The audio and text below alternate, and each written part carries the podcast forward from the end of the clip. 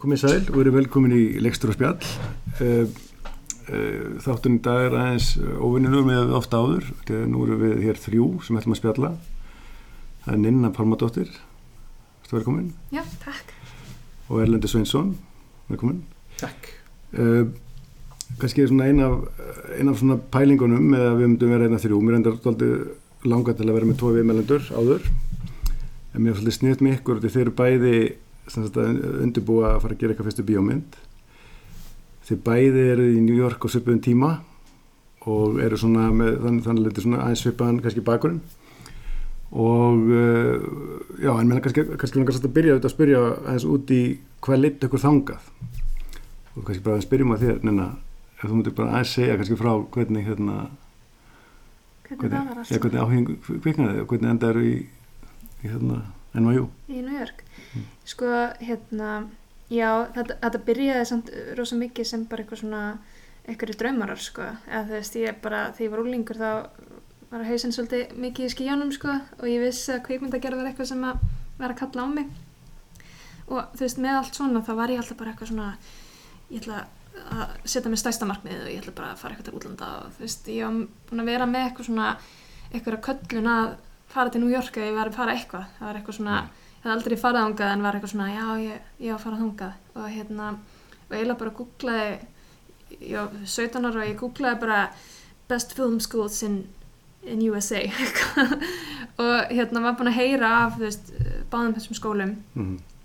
og svo bara á þessum tíma það bara settið mér bara markmið það var bara komin draumur og ég mm. bara ætlaði að komast ángað Þú var 17 ára? Því á 17 ára, já. Þá, þá varstu búin að taka ákvörðinu og vildi fara þetta í kveikmyndanum? Já, ég syns að bara ólst upp við að horfa mikið á bíómyndur í bjóði hlinar videolegu pappi mikil svona bíónættari líka sko mm -hmm. þannig að, og ég vissi þú veist að vissi alltaf að ég myndi fara í eitthvað skapandi og var í tónlist og, og leiklist og eitthvað svona mm -hmm. en svo var bara kom eitthvað brjálæðslegur áhug þú veist að, að tjá mig eitthvað með myndum og byrja að taka eitthvað ljósmyndur á eitthvað litla kanón, yksusvél þú veist eitthvað og að arti úrlingur eitthvað en, en, en svo bara svona fatt að þetta var bara eitthvað tjáningaform sem að, sem að kallaði á mig mm. og hérna en já, ég, seti, ég var bara komið með eitthvað draum að það var bara eitthvað, eitthvað, eitthvað þráegja nánast sko mm og, og hérna og allt sem ég gerði í kjölfarið þetta var mikill rússipanni og mörg ár af því að vera ungur og vittlaus og fór í, fór í hái í kveimundafræði mm -hmm. að því ég vissi að mér longaði að sækjum í, í þú veist master ef ég færi út ja. og hérna fór í hái og einhvern veginn kláraði það meðan ég var að djamma alltaf dag og bara vera vittlust sko. En fór síðan að vinna á settum sem PA og, og hérna og ná mér í reynslu og, og hérna og, en var alltaf þú veist sama hversu, hversu ung og tíndi var það var alltaf þetta einhvern veginn þetta mhm. breytist aldrei. Þú veist ég ætlaði alltaf að fara þangað. Og hérna og svo hvað hefur verið 8 árum setna þá hérna var ég lóksins búin að senda umsókninar var búin að klára hái og senda umsóknir og mm -hmm. og svo er ég flytt út aðna 2016 og þetta er svona, já, þetta er svona dæmisæg um svona dream come true einhvern veginn sem er rosalega svona fallegt að eiga. Og hérna já. Ef maður, ef maður er með e, dræfið, þú veist, ef maður er bara veit, mm -hmm. manifestar eitthvað nú mikið og veit hvað maður þarf að gera til að komast ánga þá er allt mögulegt. Og ég er einhvern veginn að vera svona klísju, klísju svona láta drauma sinni rætast týpa út í kosmosu veginn. Þannig að það, það er svona í stuttumáli Þannig að 2016 ferði út þess að Já, byrjaði semst höstu 2016 Og þá ert þú í, í námi í Kolumbia Já, það er í komin í Kolumbia Já, búið með eitt ár þá eða hvað? E, Já, ég flytti út þannig 2014 um sumarið. Já, já, ok. Þannig ég var búin að vera tvö. ár. Múið tvö ár, já, já tvö af af fjórum, af fjórum ja. ja. því getur náttúrulega verið alveg í 5-6 ár já, við lengið svo viljum sko. er það búið, búið breytast allavega í tysk sko, það má bara vera fyrst lengi sko. já, ég held að hugmyndið með Columbia er svo að það tekur tvö ár sem er bara alveg intense, svona mm. filmmaking og svo ertu með 1-3 ár í svona einhvers svona research, mm. svona thesis vinnu mm -hmm.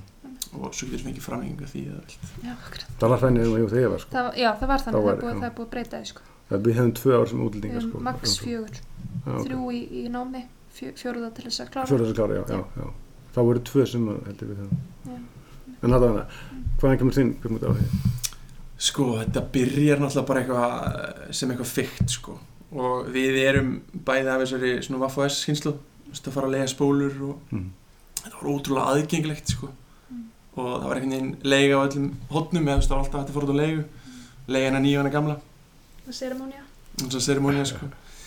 Og það var líka einhver bara svona keppni á þessum tíma þú veist þegar maður var að horfa svona mikið á myndum. Þú veist myndbönd mánaðarins þú veist top 20 listin Mhm. og verið búin að sjá sem flesta sko. Mm. og maður var náttúrulega bara heillar af þessu það bara eins og einhver síndaðurleiki sko og fara inn í þessar myndir og bara kynnast þessum hetjum skiluru og, og hérna lifa þessi inn í þetta. Um, svo flytt ég út til bandaríkina þegar ég er úlingur hann að 14 ára Mhm. 2001 fyrst skipti og Hvert- hvert er ég flytt til Oakland Já, í Kaliforníu Ok.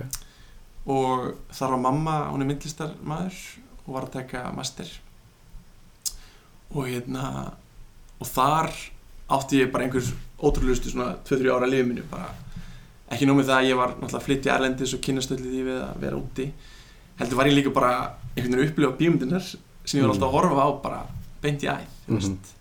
Maður var hérna í high school og middle school og maður fór á prom og maður fór í þú veist, limo með date og þetta var allt svona einhvern veginn og svo maður, prom king? Ég var ekki the prom king reyndar. En, en þú veist þetta var einhvern veginn allt svona ótrúlega svona skemmtlegt sko og, og, og góðu tími. Og hérna og svo kem ég bara aftur til Ísland þú veist eftir þetta og, og hérna og í mentarskóla Mhm. en þá var ég einhvern veginn búinn að kveikja á þessu bara að þetta movie demi talaði til mín á einhvern einstakann hátt þetta bara var einhvern veginn svona mín köllin Mhm. og ég var mjög svona sett á því með snemma bara Mhm. ég ætla að vera að gera kveimdir Mhm. og samt eftir að flyttur út eða hvað svona þá það, það, það, já, það er að gerast á þessum tíma Já. sem úlingur sko. Og ég fer einmitt á svona ljósmyndanámskeið þar sem ég pröfa sko að developa filmu í fyrsta skipti Mhm. þá er ég líka að byrja að taka ljósmyndir og pæli freymiringum og, og svona þessari pælingum það að veist, festa tíma veist, capture tíma og moment sem er alltaf það sem við erum að reyna ofta að gera veist, manipulata einhver moment til þess að ná þeim í þessu ljósi eða þessu performance eða eitthvað Mhm. og hérna og þegar ég kem heim þarna 2003-2004 þá hugsa ég bara, á, ég vil læra að gera kveimyndir í bandaríkunum því að það var einhvern veginn sem talaði til mín og Mhm. myndinni sem ég var að horfa á Mhm. og þegar ég útskrifast úr MH og þarna 2000 og, og ég held að sé 7 eitthvað svoleiðis, Mhm. þá er ég bara að planna að fara í NYU sko. Mhm. það var bara planið, það fara í undergrad þangað sko. Já, já, já, og það var bara draumurinn sko. en svo kemur Já. og ég ætlaði mitt, ég var bara, ég ætlaði bara að klára MH og ég ætlaði bara að fara út í náma þess að byrja að skoða þetta og plana þetta allt og svona. Svo kom bara hrunið. Mm. og, og ég einhvern veginn svona þarna smá bara upplifði ég eins og heiminu var að hrynja og þetta var ekki fara að gerast allan ekki strax. En þá sé ég einhverju auglýsingu í hérna morgunblæðinu að kvikmyndaskólin á Mhm. Íslandi er taka við nefndum Mhm. og ég fór um nefndi kvikmyndaskólan þarna 2009 aðeins setna, ég var aðeins búin að vinna og tek þar tvö ár og svo vinn ég alveg í tala svona tíma, hann alveg frá 2009 til með 2014 bara svona status stöðut í kvikmyndagerð. Mhm. vann til dæmis hann í svartura leik Já, myndinni þinni, já, það grippari þar. Erstu bara að gleyma já. ég leys að það er um var, skjáða aðeins minni. ég, var alltaf kannast við þig, sko, en ég, það er ekki sinna þá. já, já, ég var með Arnari Já, já, hérna, hann og, og ég vann í alls konar kvikmynd. Ég vann í Gauragangi og ég vann í sjómarsýrjunni Hækosa og gerði rosa mikið making of hvað er sér? Einhversa, fyrstu séri reyndar Já, ég var í annars Fyrsta bíotjófum mitt sko. Já, já. og já, ég var einhvern veginn þarna svona í þessu, þessu svona hugar ástandi að ég vildi svona bara mast skilja þetta allt sko. ég ætlaði bara að kunna allt ljósinn og kamerunnar og allt og bara svona algjörð kamiljón sko. um, og svo bara kemur eitthvað svona moment þar sem ég bara eitthvað, heiðu, ok, nú er bara tíminn nú þarf ég bara að fara til bandaríkina Mhm. og ég ger eins og nynna skoða top filmskúð en Hollywood Reporter lista eða hvað sem þetta er og sæki bara um hérna, fylgskóla, eða sæki um þrjáskóla Mhm. aðalega. og ég komst ekki inn í NYU en ég komst inn í AFI Mhm. og Columbia í leikstur Yes. og ég var rosa mikið að velja þar á milli og fór og heimsóti báðskólan og var alveg bara, þú Mhm. veist. Og veldig mikið í þessu, en enda því að velja Kolumbíu. Vastu, menna, er með þegar þegar það er annað sem þið er samlið það aldrei verið tökumunni ekki? Já. Jú, svolítið mikið verið að skjóta. Alltaf ég fæ náttúrulega hefur verið með svona st- sterka slagsvið í því eða ekki? Jú, algjörlega. Þannig að það hefur náttúrulega verið nördast um það sko. Já. það er svona, Já, hvernig það tengir inn í leikstjórnina. Einmitt. Einmitt. Það hefur gefið mér alltaf mjög mikið. Já, sem, ég, sem leikstjóra sko að, að skjóta Mhm. einmitt Ég sjálf, kem sjálfur líka rosa mikið að svona kameru liðinu, svona visual mm. Já, og einhvern veginn hugsa um allt sem einhverja ramma, þú veist, og þú svona litar það á einhvern veginn og... kemur ljósmyndunum og svo inn í þetta og, Já. einmitt Mhm. Ég myndi þarna uh, þannig að þið eru þarna á þessum svona svipa tíma, Hva, hvað enginnir því ég var York náttúrulega svolítið undan Mm -hmm. Hvað enginnir New York þessum árum? 2000 og uh, hvað sagði? 14 Já. til þá 18 cirka eitthvað svo leis Trump. Hann er kosin á þessum árum. Ég var úti þeirra okkur ég var, ég var búin að vera í, nú- ég var búin að vera í bandarækjunum sko í bara þrjá mánu þegar Mm. hann er kjörinn sko. Ég bara fór inn í bara hverfinbilin sko.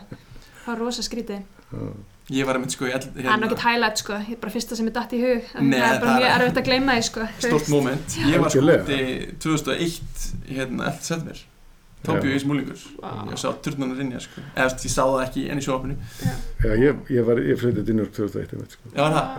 Og var búin að vera í þrjár vikur þegar það, það, það, það og tíminn í kjölfari en, engyndi mynd tíðan sko. Já, já, já. Já, þetta var náttúrulega svakalega skrítið sko. Ég bjóð, þú veist, ég var með meðleganda sem að var svona mjög, þú veist, aktífur demokrati, þú veist, hafi verið að vinna sem sjálfbæðliði fyrir, þú veist, þegar Obama var að bjóða sig fram og Mhm. var svona mjög virkur í pólitík og ég bara, þú veist, vikuna eftir að Trump er kjörinn, þú veist, þá er hann bara komið heim og ég er bara að taka utan um hann, sko. Þetta var bara Já. rosalega erfitt fyrir fólk, sko, einmitt að vera að horfa fram á fjögur ára af þessu, sko.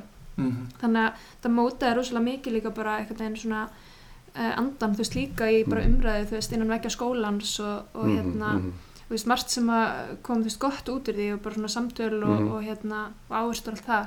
En þú veist, ég bara gleymi ekki, þú veist, ég var að ég semst, náttúrulega vakti yfir kostningunum eitthvað. Mhm. og svo ég var að fara í tökur á stuttmynd bara eldstemma morgun eftir. Þú veist, að fara að sofa og áðurinn fór að sofa og sá ég í hvað stemdi, sko, Einmitt. og ég var bara, nei ég ætla bara að fara að sofa. Svo ætla ég bara að vakna, þetta er ekki Já, að gerast. Og hérna vá, og fór og vaknaði náttúrulega vissi, þú veist, ég var að ljúga sjálfur mér þetta væri að fara að gerast. Einmitt, og hérna, og tók sko Uber þú veist, bara fimm um morgunin sko í Mhm. Brooklyn, þú veist, að hitta hérna krúið og ég manni horfði bara út á götuna það var bara eins og það hefði bara verið bara svona morning after, þú veist, bara borgarastyrjaldi eða eitthvað, þú veist, þetta var rosa skrítið atmó, rosalega mikið svona svona, grá, svona slæða yfir yfir öllu sko, Mhm. mjög skrítið. Gleymi því ekki. Svolítið bara svo COVID tíminn Bara svona engin úti. Já, já, akkurat. Allir sjokki. Ég meina, einn spurning, ég meina, þú veist, kynntist við einhverjum republikana í New York? Í raun og ekki. Ég er svona grunnsemdir en Já. ekki staðfest. Einmitt, það er enginn sem var að, var að halda því loftspil. Ég meina, Nei, veitu, ég, sem, sem það að segja, sko, þú veist, bara, eitthvað handvilli, sko, Einmitt. Og hérna, þú það frekar ég þekkt einhverja, veist, íslendinga sem er höllist það, heldur en nokkuð tíma einhverja sem ég já, kynst um. einmitt fólk. Já, akkurat svona Íslendinga trömpistar Já. Akkurat, sko, en þetta er svo mikil demokrataborg, náttúrulega, Mhm. já, algjörlega, Og ég þetta er svona bobla sko já, og meina, þú veist, þegar er fórsetið er náttúrulega, hann var náttúrulega, veist, hérna, antikristur, sko, Einmitt. og eða Cheney, og veist, hann er svona svona duett, en svo ekki með Trump bara einhvern veginn og Já, slátar þeim, sko. En ég nákvæmlega get alveg ímyndað með hvernig þetta verið. Sko. Þetta er áhugavert, þetta er eitthvað lita rosa mikið tíma. En líka, þú veist, ansbyrnirhengin verður, já, já, hún, hún blómstærar í svona ástandi, sko. Ég man, ég var í, hérna, það var hana Women's March veist, þarna Mhm. stuttu eftir Já, að, eða, eða ég man akkurat. ekki hvort það var stuttu eftir hana inauguration eða hvort það var fyrir jafnvel en þá var Wo- Women's March og ég tók þátt í því ég hef aldrei upplegað annað eins Mhm. það var bara, Fifth Avenue var bara fullt af fólki og þetta Já. var rosalega fallagt sko og mjög svona mjög, þú veist, þakklátt fyrir að hafa fundið það, eða þú veist, það er einhvern veginn Mhm. gammanu smá trú einhvern veginn skilur Já. á bara einhvern veginn mannfólkinu að vera, þú veist, í þessum hópa fólki sko sem að vera að segja bara hinga ekki lengra sko, Mhm. þannig að það er alveg það er fyrir magna sko, ég veit ekki hvort að þú varst þar, Ég, jú, ég man eftir þessu, Women's March og það var náttúrulega líka, veist maður, náttúrulega er ennþá svo sem svona racial tension og það er mjög mikið af mótmælum og, og, Mm. og þarna, hérna, police killings og þess að það sem var mjög Mhm. mikið svona highlight og triggeraði rosa mikið, hérna, alls konar þetta var Eh. náttúrulega svakalegur þú veist, að koma úr, á þessa litlu eigu þú veist, Mm. þú varst náttúrulega búin að fara til bandaríkjana Já, en þú veist, bara það að sko um, vera búin að alast upp á Íslandi sérstaklega þú veist, þeim eru út á landi þú veist, Mhm. bara svona, það var svo mikil eye-opener þú veist, bara að, þú veist, ég er partur af ákveðinu systemi, þú Mhm. veist, og hef alltaf verið þó að ég haldi ykkur öðru fram Mhm. og bara veginn að stíga inn í bara allt annan heim, þú veist, allt annan veruleika held ég að sé bara holdt fyrir hvernig ein- einasta Íslanding, sko, Mhm. Mhm. að Klárlega. gera þannig að ég segi það alltaf því ég er að vóta fyrir því að fólk fari erlendi sér nám, sko, sérstaklega að það er að segja sögur Mhm. og er að, þú veist, pæla rosalega mikið í bara mannlegri tilvist og, Mhm. og bara heiminum, þú veist, og segja sögur af því að, þú veist, fara aðeins frá þessari eigu, sko, eins, eins og er margt gott og jákvæmt þetta, þú veist, það, Mhm. mm. það mótaði mig allavega svakalega mikið, sko. Það, hefði komið sömulegis líka rosa mikið óvart þessum með mitt nám sko að hérna rosa margir tímar fóru fram bara eins og við erum hérna núna bara við svona eitthvað borð og kannski með eitthvað handrit eða eitthvað sem þú ert að vinna og undirbúa. Mhm. og auðvitað var alltaf eitthvað svona áhersla á tæknilegu hliðin og kvikmyndagerðin sem slíka en, en ég mm, hefði ekki trúið að hversu mikil áhersla var lögð á svona svolítið svona world views og svona political hérna, opinions. Og mér fannst margir tímar í raun og verið það sem var verið að fara onni í einhver karakter eða onni í eitthvað handritatengt að það, það er svona endað af því einhverju svona mjög svona heitum umræðum um bara bara alls konar. Var, var það var það meir eftir að hérna, Trump okkar var búin að vera kosin Það eða var það endan píki- það var svona píki, sko, já. Svo Já, líka kringum 2017 náttúrulega kemur Harfi Weinstein-málið. Það er líka alveg bara, mm það var náttúrulega bara tímabil í skólanum þar sem það var bara, Einmitt. það var svakalegt sko. Og leita, rátaði alveg inn í tíma og umræðu og þú veist allt það líka. Þannig að þetta var rosalega, þessi, þessi, þessi svona rammi þarna þegar við erum úti, veist, það er rosa margt að gerast akkurat þá. Mhm. Bara því pæliði núna, maður náttúrulega var bara í svo mikill svona tunnelvision bara í náminu og svo mikið í gangi sko. Þannig að það var alveg frekar, frekar mikið. Meni, gerast, sko. New York er líka, þú veist, hún er einhver leiti svona eina gæsalappa við höfuborg heimsins sko, eða þannig, Mm. mm. það bæði er hún sko laðra sér náttúrulega mikið fólki veist, allstæða frá og svo er svo mikið einhverju svona, einhverju stórum svona hérna, event sem gerast þar og einmitt þetta, ég meina, og hann náttúrulega er, þaðan okay. og er líka í bransanum, þannig að það hefur líka verið örgulega, sko, líka snert ykkur meira át af því, sko, mm þannig að það er náttúrulega og, og náttúrulega, og, og þetta byrjaði alveg svolítið mikið í entertainment innan um Me Too, sko. Já, leikstjóratekninni og veistu svona, það, það var, þannig að ég mann einhverju var svona, já, erðu hérna, ertu ekki með eitthvað árind í pókaðarninu þú veist, hérna, leikstjóri, eitthvað svona, svona skot mm. einmitt, einmitt. En það kom út af því, það er ekki líka snert alla. Mm Akkurat. og Já, nákvæmlega.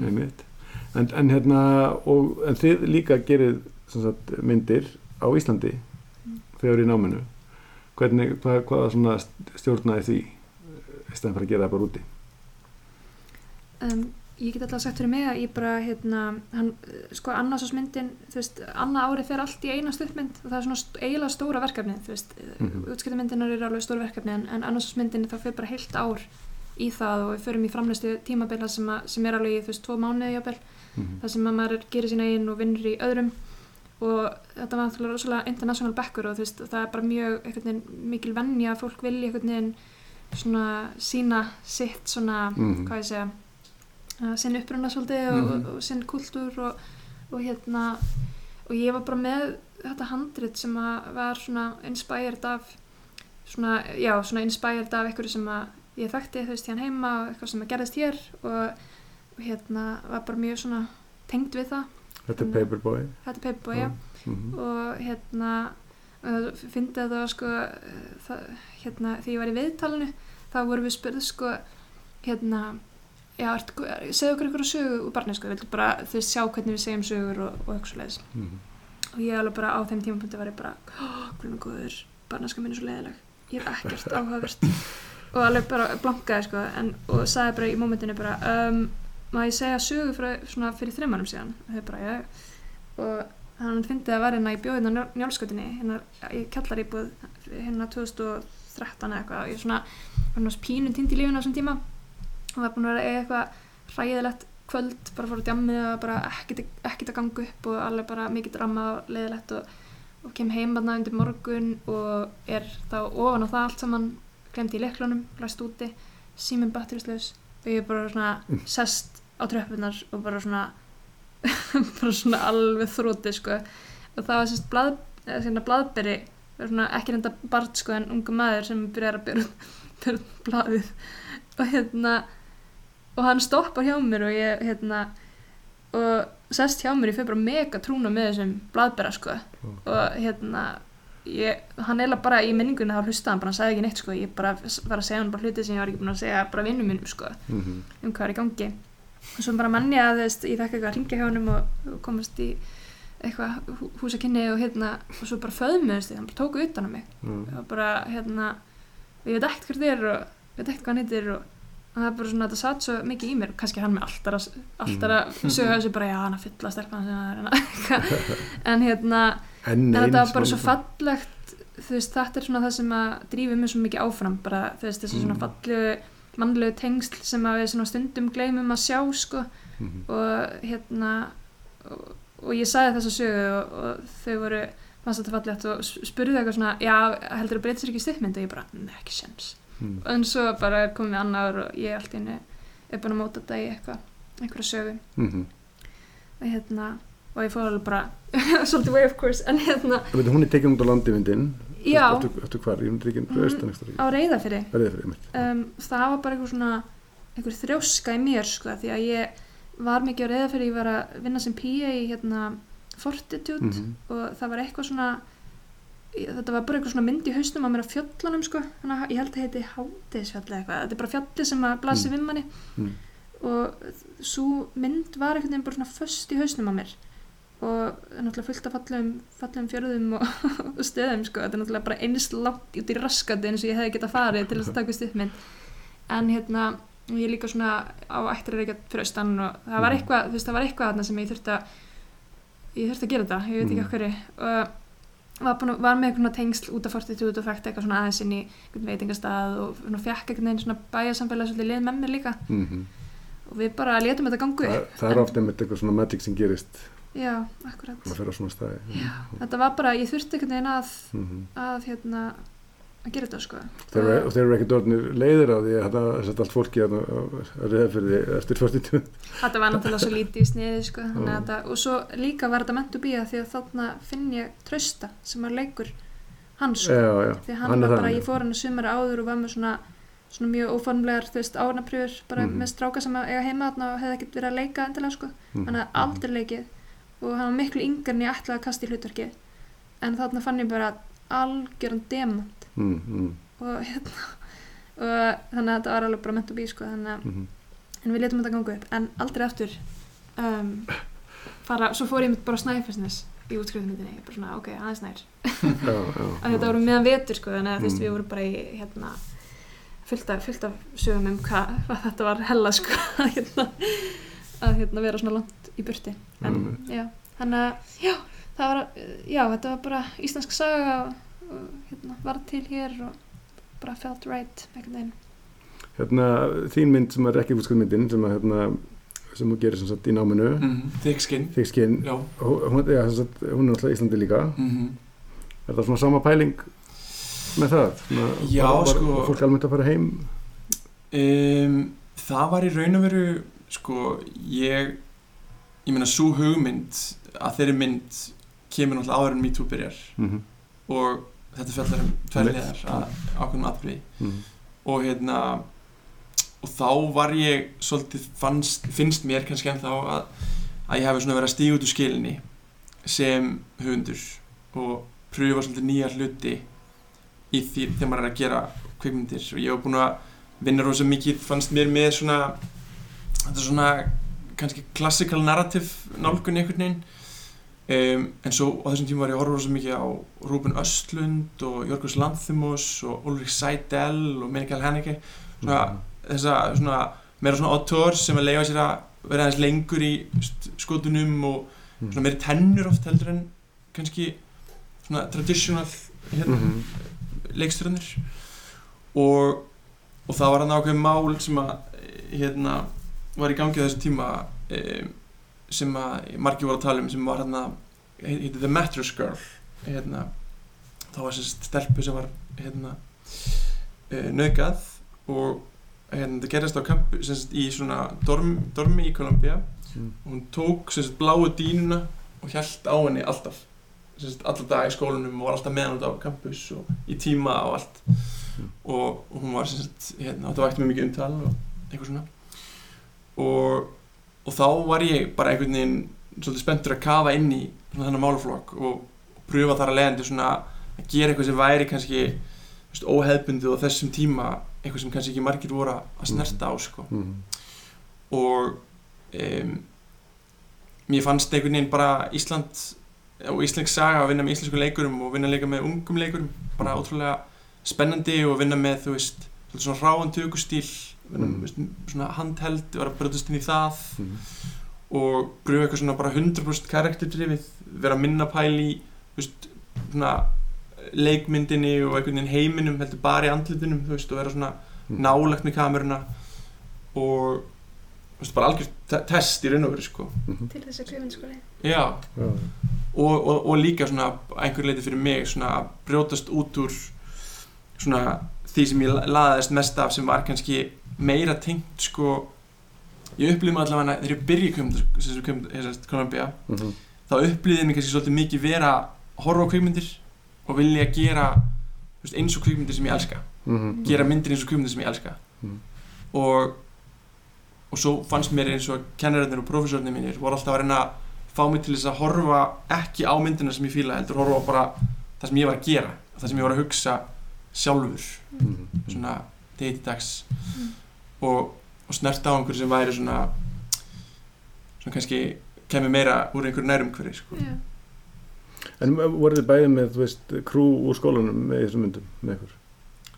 í, já, í mínu, í mínu þessari mynd, þetta var semst hvað annars ás myndin, þá, þá komu tveir flugu frá bandaríkun Já, en, en mest allt voru Íslandi já, ok. aha. sama hér, það var hérna tveir sem að komu með Mhm. mér og svo restinn bara vinnir Svo bara greiðar hérna heima. Það er góðir, mjög góðir. Nei, þetta er mjög verst þetta annars myndi ég gera, sko, það var, með, það er ekki til greina, sko. gera heima Nei, þetta var bara of dýrt, sko. þetta tók smá út af, einmitt, eða sko veit ekki, veist, það er líka bara búnaður og annað, það var alltaf bara minna um það veist, það var svona líka þannig að spila inn í líka sko. Þegar maður, veist, maður fara allan búnaðin í skólanum sem er, veist, já, það tekja filmu þá og svona, veist, bara, bara, það hefði þurft að leiðast hérna á. Þannig að það kom ekki til greina, sko, en mjög, fólk voru oft heim til að, og ég er það meðlans til að gera útskipta myndina, sko. já, já, já, þetta er bara við, við tókum, til dæmis, við tókum, fengum kameruna sko úr skólanum, tókum hana með. Já, ok, uh sem er helviti svesen en, hérna, Já, en við já. gerum það, þú veist, við tókum það sem við gátum líka hljóðbúrna og svona. Já. um, en svo var bara kuklað að hérna vera eins og kuklar frábært alltaf. Og hérna, maður Já, fann, fekk restar. Já, það er eiga svo mikið núna. Ha, það er eiga svo mikið dóti núna. Já, ég var sko hérna mynd, ég skautur svo mikið af kveimdaskóla verkefnum út ég finnst ég alltaf vera að mynda í New York Mhm. um, bara með frá skólanum og, og það sem ég upplýði svolítið mikið er bara það er ótrúlega flókið að mynda í New York sérstaklega að gera það já. risk approved Ó. sem er svona stór partur af kveimdaskólum í dag Mhm. og þetta er, getur verið alveg algjört helviti bara ein sena á dænir eða eitthvað er bara ótrúlega flókið sko. það var rosa erfitt samt líka að sko transfera það yfir til Íslands því að við til dæmis að fara í gegnum svona risk management process sko, veist, þegar, mér þess að þegar við vorum að skjóta heima þá þurftum við að að vera approved samt sko samkvæmt þeirra standardum og það var rosa erfitt sko af því að þú veist er náttúrulega bara uh, það virkar bara öðruvísi hér þú veist það er bara miklu minni pappirsvinna hérna og þú veist kannski er margt sem maður mætti taka til fyrirmyndar veist sérstaklega það kemur bara svona öryggi og sett og svoleiðis Mhm. og það var rosalega mikill fókus á það allavega í fellinu hjá okkur sko eitthvað, eitthvað, eitthvað umfram bara insurance fyrir leikar og búnað þetta meina bara þá Ég hef verið Já, sko bara, bara- í, í dag svona, kannski líka fyrir það sem hlusta heima og Mm. veit ekki hérna, hvað risk hérna approval er Já, mikið mál þá er það bara þannig að, að þú skrifar handrið sem ekki tíu blæsjur Mhm. Og það þarf bara að fara í gegnum hver, einustu setningu og þú þarf að útskýra hvernig þú ætlar að gera það og ef að það er einhver sem ætlar að hoppa eða láta sér detta eða upp á þakki Mm. upp á þaki þá er þetta allt svo við máttum ekki vera upp á, upp á það? þakki og það þarf að útfara og það þarf að sína fram og nákvæmlega hvernig þú ætlar að gera það Já. þú veist, og nákvæmlega hvernig leikarinn er þarf að æfa það og það þarf að vera medic á staðinum fara að ljósa bóksið Já. já. allt sem að er með vatn og sett er óbúslega flókið og, og hérna maður lærði mikið en mikið var þetta mikil hausverkur samt Já. þetta var algjör hausvík en hérna, mjög góð reynsla en, en þetta kannski það sem ég tek mest frá þessu er bara ákveðið svona uh, hvað var eins og ég var að segja hann, hvað var það fyrst bara öryggi, þú veist, og setja fólk fram með verkefnið, já, þú veist, og einhvern veginn að vera ekki að fara einhverjar shortcuts, þú veist, til þess að Mhm. hérna losna við eitthvað, eitthvað pappisunni, þú veist, þetta er bara ótrúlega mikilvægt og ég reyna Mhm. einhvern veginn að meila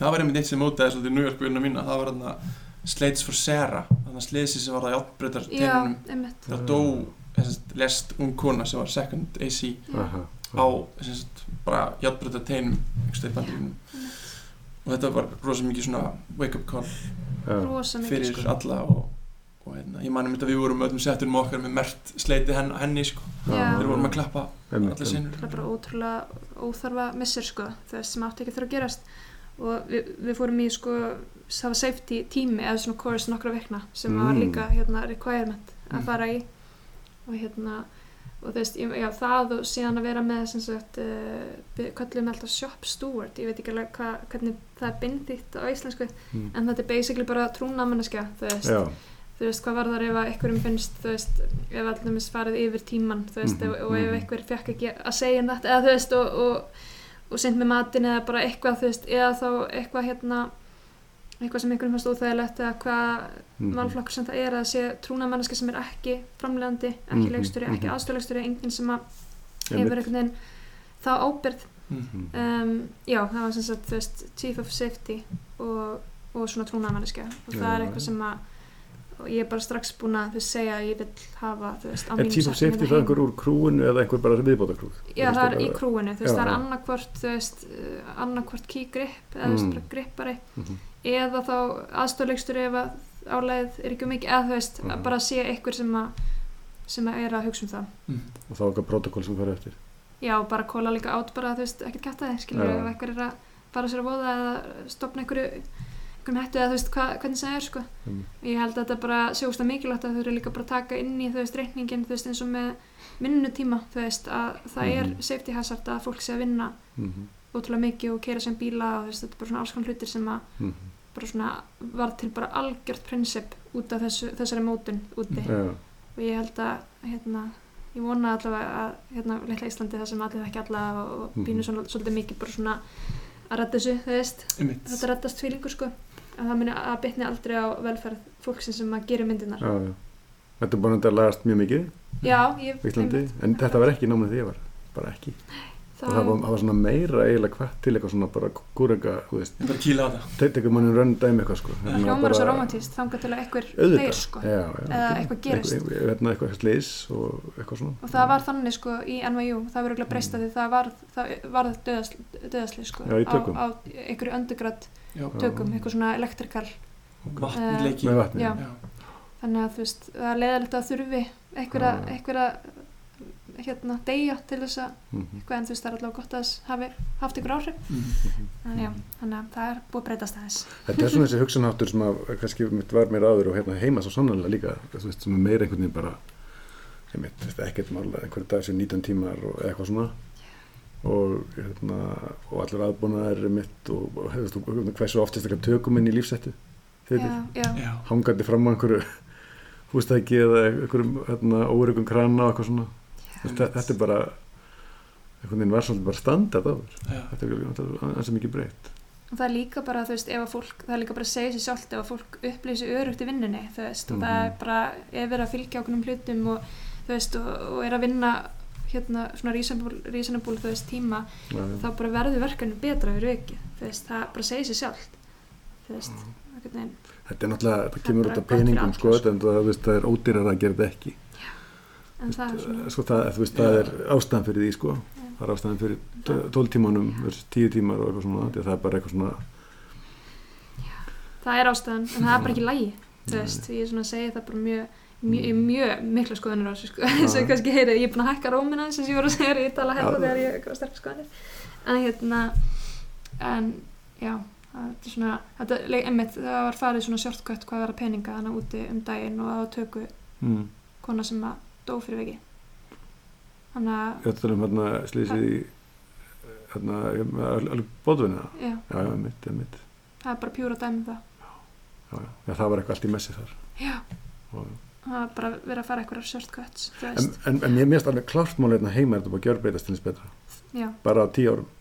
Algjörlega. Og hérna maður svona, veist það er, einhverju svona, einhvern veginn í miðri orustu, að byggja um eitthvað svona, þá kannski er maður ekki að hugsa. Já, þá bara ég fæ einhvern veginn alltaf núna bara um leið, bara, þetta er ekki þú veist, tróðin með eitthvað, já, þetta, þú veist já, já. sem er ekki áður, sko. Maður er í öðrum heila þú veist, þegar maður er að leikstýra þú veist, þá er svona maður er í einhverju smá headspace og það er svona svo gott að vera um gott fólk kringu sig þú veist, og einmitt að sé eitthvað þú veist, sem að er einmitt þú veist, chief of safety að þú veist, er þetta heitt þannig að, að hérna einhver kóla át sko. Þannig að við erum að, við veist, þetta er bara búið til einhverju myndir, sko. Maður er bara að láta, já. og ekki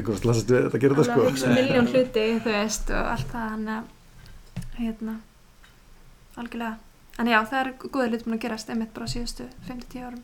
Klálega sko, og það er einmitt, það er ákveðvert að fara út þú veist, já, og vera með reynsluna að hvernig þetta var af því að þú veist, ég var að vinna sem PA hérna frá 2010 til kannski 2014 mhm, og þú veist, og fer síðan út þarna í nokkur ára og þú veist, að koma heim og, og maður finnur alveg að það er eitthvað, mhm, eitthvað búið að gerast og breytast. Mhm, það er mjög jákvæmt og maður er bara að vera partur af því að, að halda áfram. Mhm,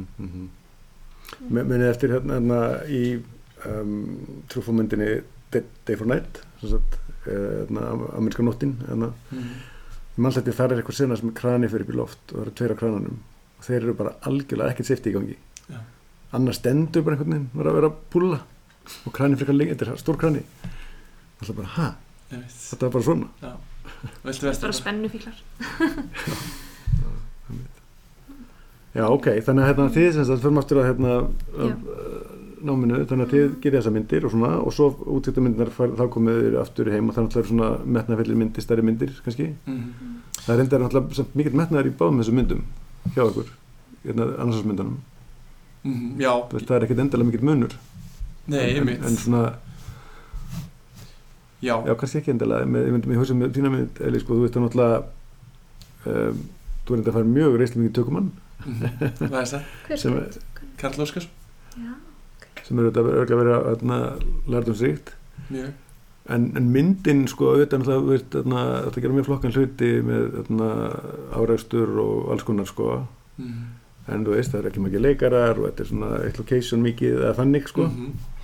þannig að þýrlinn til er þetta, þetta er bara þetta, en, en, hérna, en rosalega hérna, mitt flott sko. Og ég, ætla eftir að spyrja hvernig, hvernig það gerir áreisturinn Takk fyrir það, já.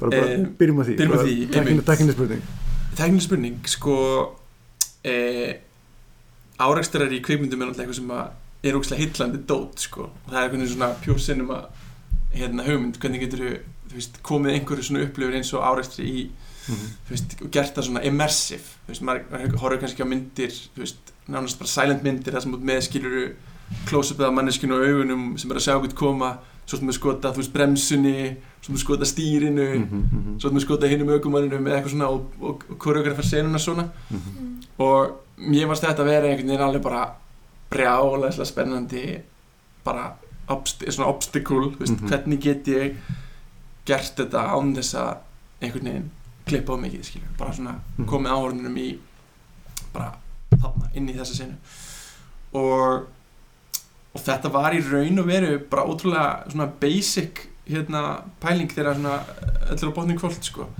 Þetta er hann að eitt skot sem að kameran er að miða beint á hútið á bílnum sem kerir á þeim. Mhm. og Við þeir bakka já, við erum aftur í. Já. og það er engir, þau eru ekkert inn í því sko, þetta er bara VFX skot. Já, já, og svo er raun og veru bara kameran aftur í skottinu á öðrum bíl.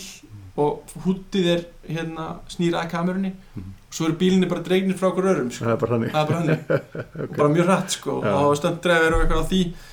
Og svo er það sett inn í skotið þar sem Já, Vivian og, og Snorri er að keira í green screen bara. Það, það var grínskrinn, já, Já. ok. Og þau bara bregðast við þú veist, eins og þau sé að keira á. Já, já. og svo er þarna einfalt og gott trygg einhvern gott trikk sko. Og svo mjög, mjög gott. svo kemur þarna sko ákveðið svona högg hann í reverse skotinu sko. Mm.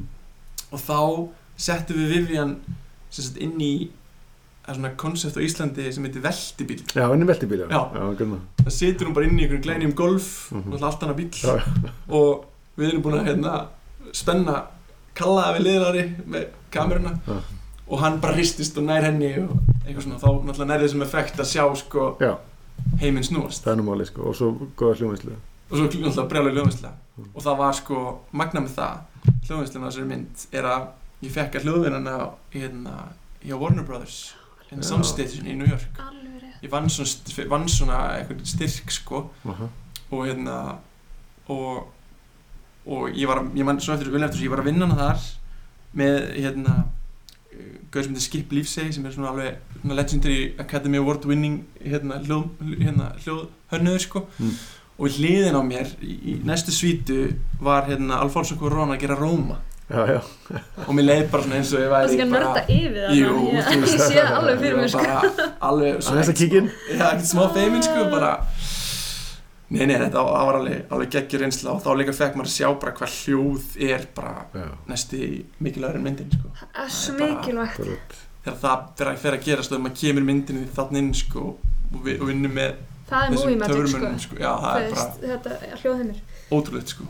þetta er þetta Canary Er myndin. Og er þetta að sjá á heima sinniðinni Já. það er, er mjög góð. En hérna um,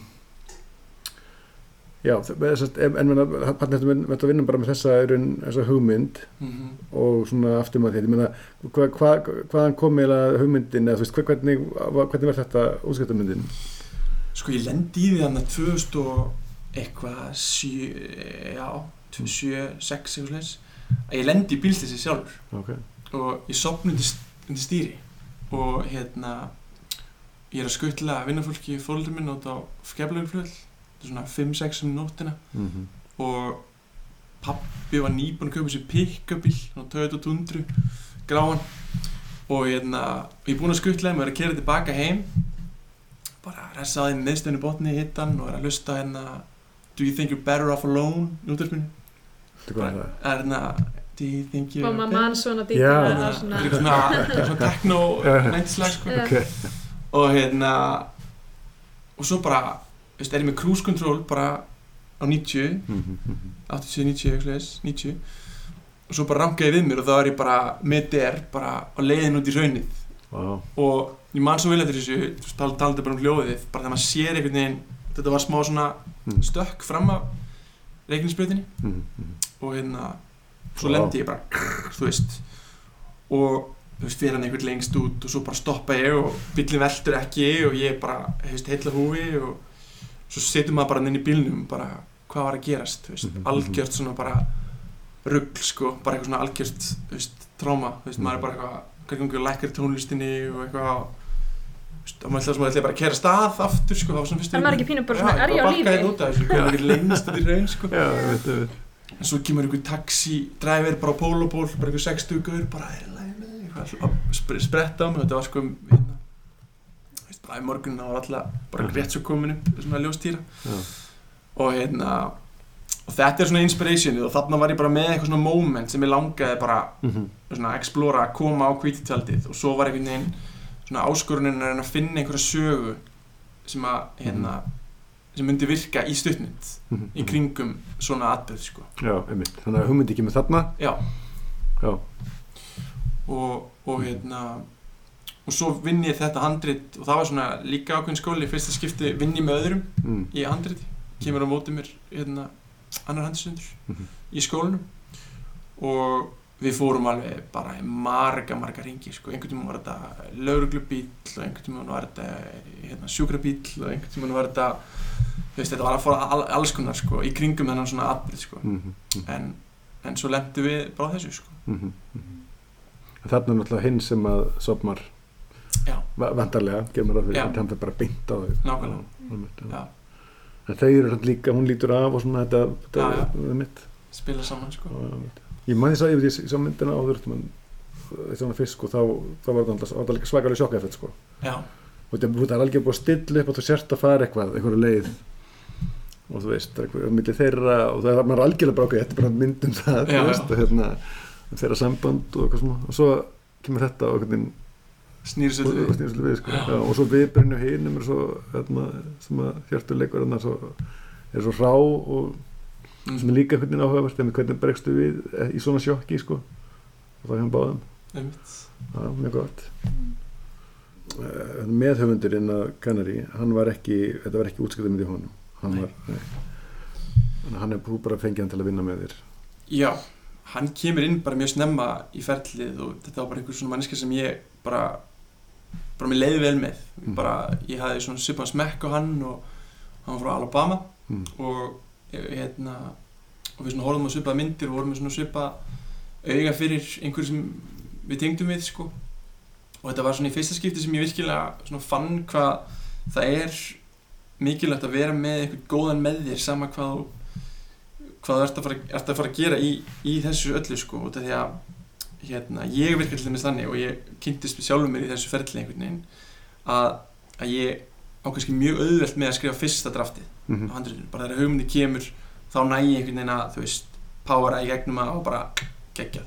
Svo kemur einhvern veginn hitt sem er þetta svona tæknilega þegar maður fer einhvern veginn meirin í sinnunar Mm. og ég, þú veist, virka þannig sjálfur að, að þá er oft sem ég með einhvern aðtökningsbrest og finnst erfiðar að þú veist, að einhvern veginn vinna það. Og þá er svo ótrúlega verðmætt að vera með einhvern á móti þér sem kemur og getur, þú veist Mm. hjálpa þér í gegnum það. Saman með klippirinn og ég virka þannig að ég kannski sé rosa mikið fyrir mér það sem ég er að fara að gera og er mjög snöggur að hendur fyrsta klippa af einhverju Mhm. svo kemur einhvern veginn að veist, tími líður og maður fyrir að maður pröfa hitt og þetta og, Mhm. Mhm. og þetta hérna já, kendi mér rosa mikið bara að, að hérna að bæði svona opna á, á hérna opna á bara samstarf eins mikið sem maður getur og, og, og umkringi sig góðu fólki en það er oft svona aktíft svona samband á milli sko leikstur og höfundar. Mm Þetta voru báður að skrifa samt. Já, Já. og voru þá að henda díalógum og svo leys milli og þannig. Já, Já. og hann tók hérna passa dílógin og, Mhm. og svo lendum við einhvern veginn í algjöru bara algjöru strandi með þetta og þurftum fyrir alltaf átt og, og þá var þetta svona líka bara eða það var ekki nema bara fyrir það að segja, heyrðu við erum að fara að hittast á Þannig, klukkan þrjú já, í þessu herbriki hérna og við ætlum að fara að vinna í þessu dóti Mm. og því þá einhvern veginn þá er maður allan tíman kannski alltaf vikunum maður er að gera hundra hluti þá veit maður á föstudaginn en tvo tíma er ég að fara Já. inn í þetta herbriki með honum og þegar ég ekki með einn í þetta herbriki og búin að undirbúa mig fyrir það Mhm. þú veist, ég þarf að vera í rosamöglu stuði til þess að geta Mm. að púla þess að tvo tíma á þess að vera einhvern veginn Einmitt. að segja inn í eitthvað rögl sko. pressan sem, að, sem að þarf, maður þarf að búa til fyrir sig og að, aðrir set- setja á mann sko. En svo, svo þarf alltaf þýða þetta á íslensku já, sem að þú gerir þá náttúrulega bara já, svo gerir ég það bara, það bara já, það er svona raun og verið endurskrif í raun og verið því á íslensku það er þú veist, þú sett með mjög góðan díalógu ensku þá samt er hann eh, ekki rétt þú veist, það er annað hérna þetta var veginn allt annað sko. og, og eins og í Kanari þá, þá, hérna, þá breytist líka mjög mikið þegar Vivian og Snorri Já. kom inn þá akkurat auðvitað. komið þau með með svona sitt einhvern veginn og þá fatt ég einhvern veginn Mhm. já, ég er hérna að segja þetta svona einhvern veginn. Það Já. þarf ákveð svona flæði eða svona með íslenska tungumæli einhvern veginn, ég Mhm. fyndi það veist að, að það verður allt aðeins betra þegar maður tekur inn í díalogreikningin hvað gerist þegar við fyrir að vinna með þú veist, Mhm. hvað gerist þegar þau byrja að fara með díalogin veist, Mhm. og vera einhvern veginn ekki með að læsa einhverju þú veist, að sjá bara ég held að sé pínu, sér íslenskt eða ég veit ekki alveg, kannski ekki Mm. en ég er svona, það er bara svolítið erfitt að skrifa íslenska díalog fyrir mismunandi kynslu líka og svona Ég, erfitt, menn heldur líka, þetta er alltaf fyrir okkur, þetta er mómál okkar. Já, veist, við erum krítiskara á íslenskunum heldur en henni tungumál. Já, bara, og ég þannig að ef maður horfir á þú veist, hérna bara hvað það kannski síður mennskunni eða okkur kannski en þú veist, eitthvað, Mm. eitthvað tungumál sem þekkir lítið já, og fattar ekkert að leikurinn kannski þetta Já. er leikurinn sem ekki tungumálinu. Já, já. en í íslenskunni er við bara um leið heyrðu, þetta er hérna, hérna já, virkar ekki og þess vegna er svo rosalega krítíst og nákvæm sko, heldur frekar það heldur en sér, sér íslensk sko. já, getur verið. En, en, en þegar þú gerir þína mynd, þú skilur mynd hérna, allir hundar allir hundar deyja. Mhm. já, mér ætla að segja allir gamlir hundar deyja.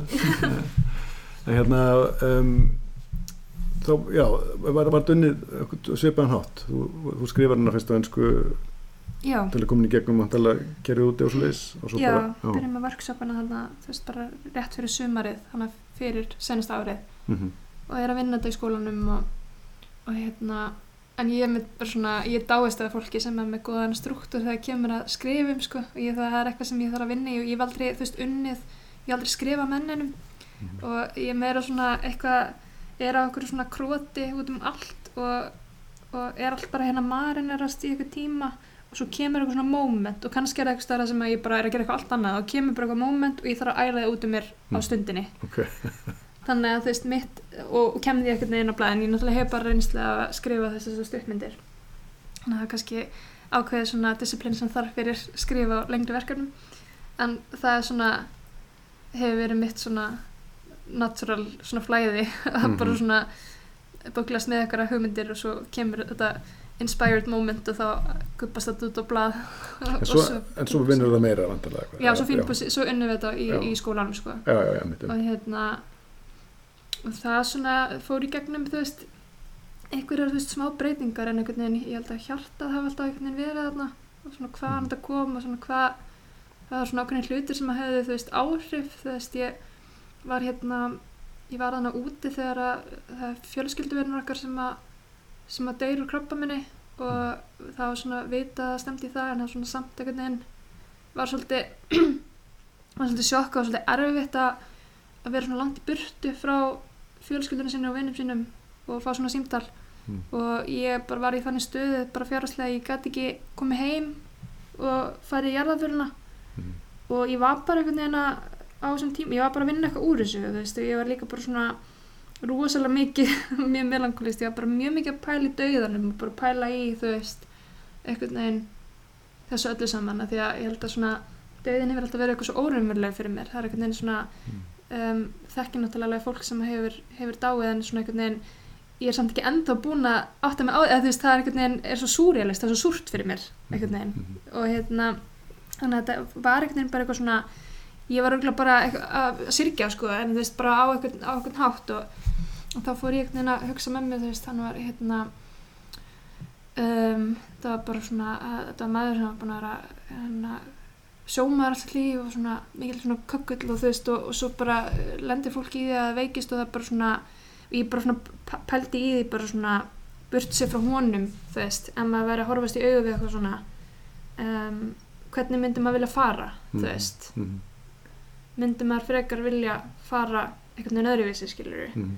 og bara henda út einhverjum svona hugsanarhætti þú veist, og þetta var bara svona vangaldur og úr því verður bara einhver, einhver saga sko. Um, og hérna já, Og alltaf út með hundinn sem að, já. Speilin það er svona, já, það er eitthvað svona já, við dýrin og náttúruna eitthvað svona sem svo mikið svona speil finnst það svo áhugavert og það er svo margir sem er eitthvað svona að tala um bara svona já svona klassísk íslensk sveitamynd og er eitthvað gamalt fólk og úkisla depressing og þú veist og vera að drepa dýr og eitthvað svona þú veist eitthvað svona verður til eitthvað svona umræða um eitthvað svona eitthvað kúltúr í kveikmyndagerð sem hefur sest mjög oft skiluru náttúrulega hver og einn gerir sína, sína einstöku mynd og allt það. Mhm. en þetta er bara svo ríkt í okkur þú veist, það er bara einhver tenging sem að mér finnst bara veist, sem að flestir er að skoða að mm. Mhm. sérstaklega um veist, hefur alveg líka upp út á landi og er Mhm. með einhvern ákveðin kontrast á hvað maður kemur og svo hérna í borginni um, og bara líka frá bara fyrir kynslu veist, bara frá fóröldumanns og, og, og lengra þá hérna tilfinningalífið okkar er, er eitthvað svo tengt uh, veðufæri og ekstríms og þú veist og hérna sagt, björtu sumurinn og myrku Mhm. hérna vetrarnir og, og hérna og þetta- er eitthvað svo mikið partur af okkur skilur Mhm. þannig að mér finnst bara svo ótrúlega eðlilegt að fólk sé að þú veist Íslandingar sem að alast, eða bara fólk sem að alast hérna upp þú veist, þetta sé partur af þeirra svona lista hjarta Já, þú veist, mhm. en svo er náttúrulega bara hver saga einstök þú veist, og hver leikstur einstakur þannig að þetta var svona mín mín sveitasaga eða svona mín hérna Já, en, bóndi í sveit en hún er náttúrulega, já, já, um eitt, með það samt, þú veist, þessi saga einhvern veginn er ekki um sveitina, sko. nei, nefnilega ekki sko. En, en hún er, hún er samt, mér stær samt eða veðrið hana karakter. hann veðri Alveg. varð svakalur karakter sko. þetta, hann átti að vera allt annar karakter af því að ég ætla að skjóta þannig um sumar hann er bara í, eiginlega í sumar sólstöðum Mhm. og hugmyndin, upprænlega hugmyndin var að þetta væri sko bara í björtustu nóttum sko, þetta Mhm, væri mhm. þessi svona þessi litur sem að eru, veist, þessi bleiki litur og þetta er bara svona endalösa endalösa byrta og það var eitthvað svona áhugaður kontrast við eitthvað sem að, Já, sem sem að þarf að horfast í við eitthvað sko, Mhm. bara svona aldrei, sloknar aldrei á, á hérna deginum einhvern veginn og það var eitthvað svona pæling Mhm. og við skátuðum, þú veist, ég skátaði þriðsvaran út á Snæfisnesi og það var alltaf akkurat veðrið sem að ég ætlaði að skjóti mm. til að vissi að það var ekkert, ekkert guarantee sem þú veist, en bara í þrjú skipti það var bara alltaf þessi bara svona þetta mistur og bara Mhm. alveg, þú veist, hérna heiskýrt og fullt af litum og eitthvað, svo bara erum við komin hana út eftir. Þá bara er bara þykkast að þoka sig á æfinni sér, bara mætt á svæðið Já. og er bara. Og, hún, og það er ekki fyrir en að skrítið sko, það er ekki fyrir en við erum að taka upp sko loka senu þar sem er ákveðin svona léttir komin. Já. og þá er já. bara, þá allt er bara veist Þetta er, er erum, þessi algjörlega planað í handriti. já, og þetta varð bara eitthvað svona og þetta er að, að svona fallega við að þroskast yfir í sko, það að bara svona sleppa takinu sko, Mm og bara svona embracea það sem að kemur þú veist, ég held að það eigi við, þú veist, bara location, þú veist, veðrið þú veist, performance, þú veist, bara alls konar hluti -hmm. af því að við stjórnum ekki allir þú veist, og, Mhm. og það er einhvern veginn það er svona ákveðin þessi, leikstur að þrjóska það er svo mikilvægt að, að einhvern veginn svona kunna Mhm. að, að hérna sleppa sko, Mhm. þannig að við bara þetta var bara staðan og við bara embraceum það og allt í hennu bara vorum við með eitthvað skota sem er bara þessi gamli maður og hann er bara að horfa inn í ekkert Mhm. og ég bara, já, ok það er einhverja einhverja með strengi Já, hana, þetta er- ég veit ekki alveg hvað er gangi og svo er mitt bara þe- þegar hann mætti og það varði líka til einhver svona karakter í þú veist í snæfis jöklinum sko Mm. hann var alltaf covered sko og svona hafa með eitthvað uh, maðurinn var með eitthvað svona greiðastaðskiluru undir jöklinum og hann var alveg bara covered í þóku Mm. og svo bara hérna á senasta deginum þá bara var búið að leta til sko Mhm. Já, maður sér einhvern ekkert hvað þetta er. nei, ekki beint sko Já, kannski í lokin, eða þú veist eitthvað. Já, maður að- kennir litið en þú veist Já, nei, en- þetta er órætt sko Já, mm en, en, en þú veist, uh, það er eins og þetta hafi verið skrifað þetta veður. Eða veist, það bara virkað hann í myndin þetta, er svo, þetta er svo, hún er þetta er ekki myndina svo, í, í lokin, hérna. En, en hérna, við einhvern veginn eru stundum, hlýðhóldur okkur. já, þetta bara fór eins og átt að fara greinlega sko það er eitthvað svona það kom líka bara eitthvað svona orka með þessu já, það var svona skrítið, veist, bara í tökunum og að vinna með veist leikurunum og, og, Mhm. og bara það var til eitthvað svona eitthvað svona somber atmó sem var Mhm. mjög gott, þú veist, ekki segja að allir voru eitthvað ógsta leiðir eða þú veist, eitthvað þannig, en það var til eitthvað svona mhm, eitthvað stemming sem að sem að virkaði, mhm, skilaði sér. sem skilaði sér. Um, bara ótrúlega góð reynsla á þessum tökum, sko. Það er þetta bara harka eins og alltaf en þú veist, bara góði vinnir og Já, maður þú náttúrulega þetta fara í gegnum hans er að hluti. hann er nú meiri trúparinn maður. Hann gaman. okkar, hann hérna bara stórkustu leikari sko Mhm, mhm. áttum rosalega fallet samstarf Já, Hann er alveg frá- frá- frábær hann. Ég myndi sko, hérna talandi með veðrið sko, Mm. hérna fyndi sko að þú skýtur hana hérna í bjartasta Mhm. de deginu með því já, ég skaut sko kanari á það var bara, Mhm. þú veist, var bara Mm. insane, þetta voru fjóri dagar, fjóri tökudagar sko. Mhm. og hérna og það var einmitt alltaf þetta með snjóin sko já, verðum Já. á snjó, ég var alltaf verðum á snjó skrifaði handritið og það var svona thematic líka pæling og svo bara var ekki snjór á Íslandi. Bara var ekki snjór. Alltaf svona. Og svo einhvern veginn var ég eiginlega bara búin að kynkja því að þessi mynd bara var ekkert að fara að gerast í snjó. Já. og svo erum við að keira hann að taka fyrsta skot myndarinnar morgunin og erum að keira þetta tekið í kvalfyrir Mhm. og það var bara eins og ég hefði verið búin að ringi við ykkur og það er bara mesta snjókomi sem ég sé aðeins minni bara maður að keira og maður bara, þú veist, maður sá ekki meter áfram sko, var bara Aha. kyngdi niður snjó sko. Og svo bara þegar við erum komin upp með kamerunni í öllum snjónum og með raincoverið og allt yfir og allir komnir upp, þá bara hætti snjó Já. þá bara, takk. En ég meina, þú veist, þetta er fjóri dagar, það getur ríkt á morgun, þú veist, ég meina þáttu að vera, ég meina núna er búið að rigna hérna útilinu, þáttu að vera snjór núna, sko, en að já, bara eitthvað smá hittabreyting og þá hérna, drónar allt. Yes. þú slafstu það.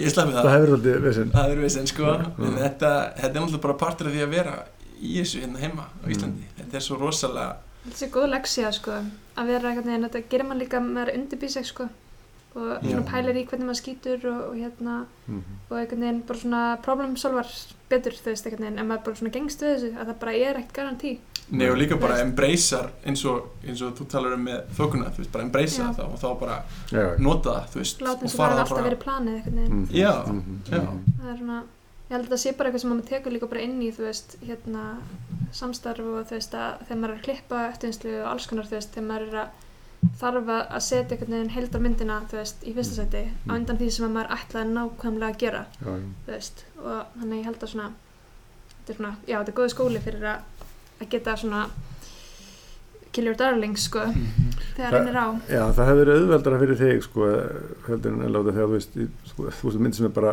gerist á mómenti. Já, bara örfá mínútum er nú verið sko þannig að þú veist alltaf að geta continuity og, og nýtt. Take sér inn post bara, það er djók, Já, einmitt. Það var reyndar einsetting sem ég hata mjög mikið. Já, það var reyndar sko að lúmsnýkja póstvinnu í, í Kanari sko. Mm. Múta snjóa? Já, það var alls konar, það var í sann rosa sena og fugglin er Fuglinn, já. lokað er feik og Mm. en ég var hann með tvo snillingar sem voru mjög góði vinni minni fyrir og það var annað svona með þá mynd var að Mhm.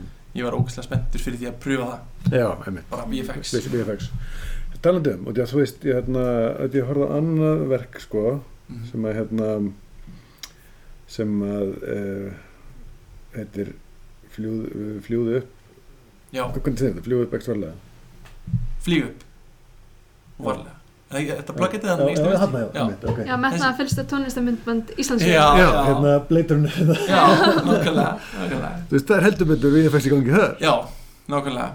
Og Það alltaf er í alveg, Íslandi. alveg mindblowing að horfa þessa mynd Já, sem er hérna, þetta er svona sett uh, einhver, þetta er svona, hvað er þetta, er þetta? já, þetta er þetta er raunur tvö lög. Tvöleg, já. Já, en sem sagt, hugmyndin verður til hérna, þetta er sem sagt eh, svona visual album sem að hérna, pæling að gera svona stuttmynd í kringum tónlist Mhm. og hérna og er í annars skipti sem ég gerir svona verkefni Mhm. ég var búinn að gera áður mynd sem heitir Afsakanir Já. fyrir auðin Mhm. Lúthers Mhm. og hérna og já, þetta þetta var bara mjög metnafullt og hérna ógs mjög skemmtilega í bara svona ákveði Mhm. í ákveðna átt sko. Ef ykkur er að fara til Hollywood, sko. Já, þetta er náttúrulega svona eitthvað dystopisk sín á Reykjavík sem maður aldrei séð. Já, já, Það er já. sko. Já, ríkala flott. Takk fyrir það það er hérna um, En veist, hvernig, hvernig hefur þetta fjármögnu? sko það er góð spurning þetta var hérna náttúrulega algjört passion project Já. og ég hef einhvern veginn síðan ég kláraði námið og svona gegnum tíðina uh, unnið mjög mikið með tónlistafólki og það sem mér hefur fundist mjög spennandi hérna, hlutur verið að gerast þar er að, er að hérna er það að vera að stækja þetta konsept tónlistamindband og, Einmitt. og hérna og opna svona tækifæri og maður er að sjá The Weeknd gera þetta og maður er að sjá Beyoncé og fleiri svona Gambino. Gambino stíga svona aðeins út fyrir þetta svona hefðbundna hérna lip-sync tónlistmyndband Mm. um, en þannig að hérna fjármögnunin sem slík var algjörlega bara ótengt sjóðum og það voru bara það er neitt skot, það er svona þyrlskot yfir Reykjavík, Mhm, það sem allir sponsorinn frá Já, já, þetta er. Já, er bara þannig, þetta er svona spons. Þetta er bara spons, já. já. Ég meina, tónlistavídeó náttúrulega voru hérna áður fyrir, þú veist, það sem leið, leiðin til að fara inn í bransan, það sem gæti gett spennandi hluti. mm. Svo bara allt í það voru engin budget í hérna, í tónlistavídeó. Og ég myndi, því ég var eitthvað svona að byrja, þú veist, þá var, var maður eitthvað svona aðeins að gera svo eila data, eila data nefnir eiginlega eftir það með þess að og það er bara ekki hægt að gera nýtt og því það er bara engin pening. Sem er svolítið leiðilegt að Og- fyrir svo rosalega skemmtilegu miðl. sko. Æðislegt, já, og þetta er svo, minna, það er um þarna sem hún getur verið að experimenta hvað mest, sko. Mm Mhm. eins og þetta, með hvað dæmið það en svo er þetta kom, kom svolítið aftur út af alls konar öðrum ástæðum svolítið áhugavert sko. Það hefur rosalega verið gaman að einmitt svona að skoða narratífu innan þessa forms mm Mm. mm og einmitt eins og segja með svona tónlistarstuttmynd þú veist, ég er búin að leggst einu tónlistarmyndband og það var einmitt bara, það var bara tónlistarstuttmynd og það var Mhm. bara tækifæri til þess að -hmm. Gera annan narratív work þú veist, Já. hérna dialoglaust sko, já. sem er bara ótrúlega alltaf gaman sko og Já, hérna, og líka bara svona að vera inspired bara af öðrum miðlum einhvern veginn, þú veist, maður verður að sjá hvaða myndir koma út frá tónlist hefur allavega verið alltaf mjög stört í mér mm. og hérna blanda þessu, gera þetta áhugavert Mm já, fjölbreytt já, þetta er líka bara þú veist, þetta er svolítið eins og farið bara í rektina sko. Maður Mm. er bara að flexa einhvern vöðva veist, svona storytelling vöðva og líka einhvern svona visual vöðva og, og Mhm.